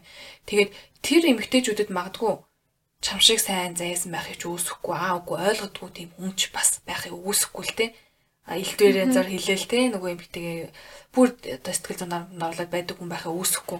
Тэр хүмүүс тандаж одоо юу гэж хэлмээр байна яг нөхрөөдөд нь гэх юм уу? Эхнэр нь хэлж чадахгүй гэж чинь хэлээч. Хүүхэдтэй болно гэдэг ганцхан эмгтэй хүний үүрэг цэвэр дан үүрэг биш шүү. Энэ бол нөхрийн оролцоо заавал байх ёстой заавалчгүй за бараг л 70 60% нөхрөөс юу нь бол хамаарна те. Эрүүл тээлцтэй байх уу? Тэр одоо юу гэдгийг ядчил одоо өрөвслийг нь цаашаага өрөвсүүлэх үгүй гэдэг нь эрэгтэй хүний бэлгийн ариун цэврээс хүртэл хамаарна те. Одоо хамгийн их түгээмэл одоо энэ үрийн хоолой өрөвсөх болсон шалтгаануудтай энэ үрийн хоолойн битүүрэлтэй эмэгтэйчүүд дахин дахин одоо энэ арцны хүндийн өрөвслээс ч юм уу эсвэл өтрээний өрөвслээс болдог. Тэр өтрээний өрөвсөл юунаас болдгоо эрэгтэй хүний одоо бэлгийн ариун цэврээс эсвэл эмэгтэй хүн дотор агуулга гэдэг ч юм. Энэ бодлогоныг эрэгтэй хүн өөрөө тодорхой хэмжээний өнхөн үрчүүн талаар мэдлэгтэй байх хэрэгтэй. Тэгэхээр ганцхан ихнэртэй үүрэг өгөөд чи үр шилжүүлэн суулгах төв рүү яваад хүүхдтэй бол гэхээсээ илүү би энэ дээр яаж оролцох вэ? Миний талаас энэ бүхнийг багасгаж, хуу цагийг нь хурцсгаж, хүүхдтэй болоход миний оролцоо юу байх вэ гэдгийг аюусаа бодод бодох хэрэгтэй. Наацхан манай нөхөр юу гэдгийг одоо ингээд хүндийн мөргөж болохгүй, хүүтэн махад нь гарах хүрэхгүй, ингээд ер нь бол сайн бие амраах хэрэгтэй гэхэд ер нь бол гэр ахгүй юмд бол намайг одоо ер нь бол хүргдэггүй ч гэдэг ч юм уу те. Хичнээн чи тэр хүнээс эмгтээс одоо энэ ихнэрээс сэтгэл зүйн талаас нь дэмжлэг болж өгч чадахгүй байгаа юм шиг мэдрэгдээд одоо би физиологийнх нь өвчнөөс ч гэдэг ч юм уу тэр ажилбарт чи өөрөө оронд нь орж чадахгүйгээс хойш ядаж одоо юм ахуунч гэдэг ч юм уу юм зарим нэгэн бусдаас бусад хүмүүсээс ирэх дарамтуудыг хамгааж өмгөөлж зогсож хамтдаа л аягүй сайн зогсох хэрэгтэй. Хүн нэг юм хилэнгууд нь хамтдаа дагаж намраал тэр тэгж хэлж илээ гэдэг ч юм уу гэхээсээ илүү тэр яг эхнэрийнхаа яг талд яг хамтдаа тэр одоо эмчний бүх үзлэг тэр бүх ажилбар дээр хамт очих хамт тосоод ингээд зогсох хамт улаан байлгах тэр эмэгтэй хүний сэтгэл зүйн тал дээр яаж өөдрөг байлгах уу яаж хайраа илэрхийлэх гэдгийг аюул сайн бодох хэрэгтэй. Тэгжиж тэр эмэгтэй хүн тэр өргүүдэлч гэдэг ч юм уу энэ бүхний даван туулах хүчийг авна гэхээс биш яг одоо ганцаараа зогсож байгаа яг энэ үед бол нөхрийн одоо ойлголт бол айгүй чухал. Тэгэхээр би бол тийжэл хэлмээр. Маш сайн ойлгох хэрэгтэй. Өөрийнхөө оролцоог нэмэгдүүл, оролцоогоо нэмэгдүүл, өөрийнхөө мэдлэгийг сайжруул, бусдаас хамгаал. Тийм, тийм л юм хэлэхээр байна да.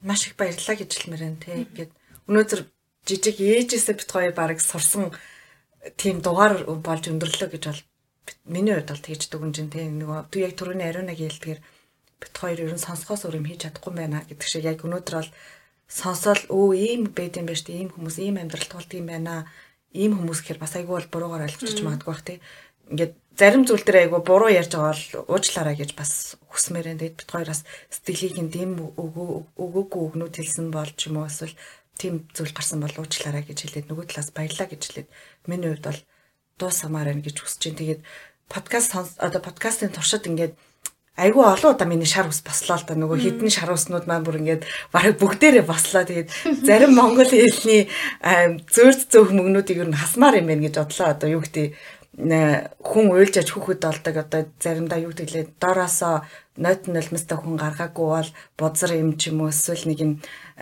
болохгүй бол маханд нь шингээ мингээ гэл би амар олон тиймэрхүү янз бүрийн нэг юм зүгээр юм хилдэг мөртлөө айгүй тийм цаана айгүй муухай утгатай өгнөд бид нар ингээ ашигладаг юм байна гэдгийг өнөөдөр бас яг тэр подкастын туршид ингээ саяжгаа бодоол шар услуу ямар амар юм бэ гэж бодож бахан сонслоо. Тэгээд э, ямар ч ясан чамд маш их баярлаа гэж хэлмээр энэ өөрийнхөө сэтгэлийг ингээд элен даланг өөрийнхөө амьдрал тусан бүх зүйлийг бит хоёртой хуваалцаж хүлээлх өрөөний маш олон эмэгтэйчүүдэд одоо урам зориг өгсөн гэхээсээ илүүгээр амьдралаа хуваалцаж тэр хүмүүсийн сэтгэлийг ойлголцсон маш их баярлаа гэж хэлмээр байна.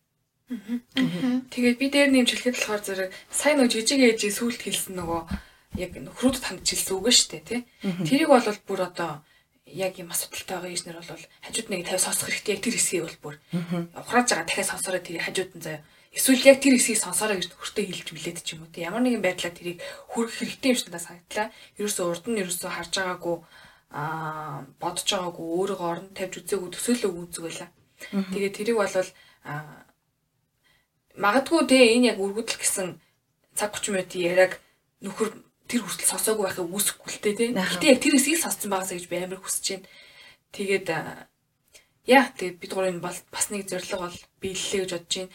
Жижиг ээжийн хувьд бол өөрийгөө багаан ч гэсэн онгоолж чадсан баг. Бид хоёрын хувьд бол хай стандарт амьдрал өстө үзээгүй хараагүй юм ямар хэмбэл гэж бодоод сууж байна. Харин ялангуяа би бол өөртөө амар их асуулт тавьж байна. Нөгөө би чинь нэг юм хөөхтдтэй болох болоогүй гэдэг эмхтэй байхгүй юу? Эмхтэй шүү дээ. Ер нь бол баг бүгдээр сонсож байгаа мэдж байгаа. Тэгээд ингээд хөөх ядан надад энэ ингээд хэрвээ тулгарх юм бол ямар амар юм бэ гэж би бол ингээд нэг юм хөөхтдтэй болох болоогүй хүүхдээ болохгүй болохгүй гэсэн нэг юм үгээ зүгээр ингээд төрхөндөө аваа хайлаа зүгээр ингээд дотроо бодъё гэж бодлоо юм бол харин тий нэг юм хамаагүй ам ам гардаг юм ер нь биш юм байна гэж бодоод ер нь бол ахиж энэ үгийг дотроо л хэлье да гэж бодож сууж байна. А хамгийн сүүлд нь ер нь бол магадгүй одоо юу гэдгийг цаашаа жирэмслэж байгаа эсвэл гэр бүл төлөвлөж байгаа залуу осууд байхыг үгүйсэхгүй те.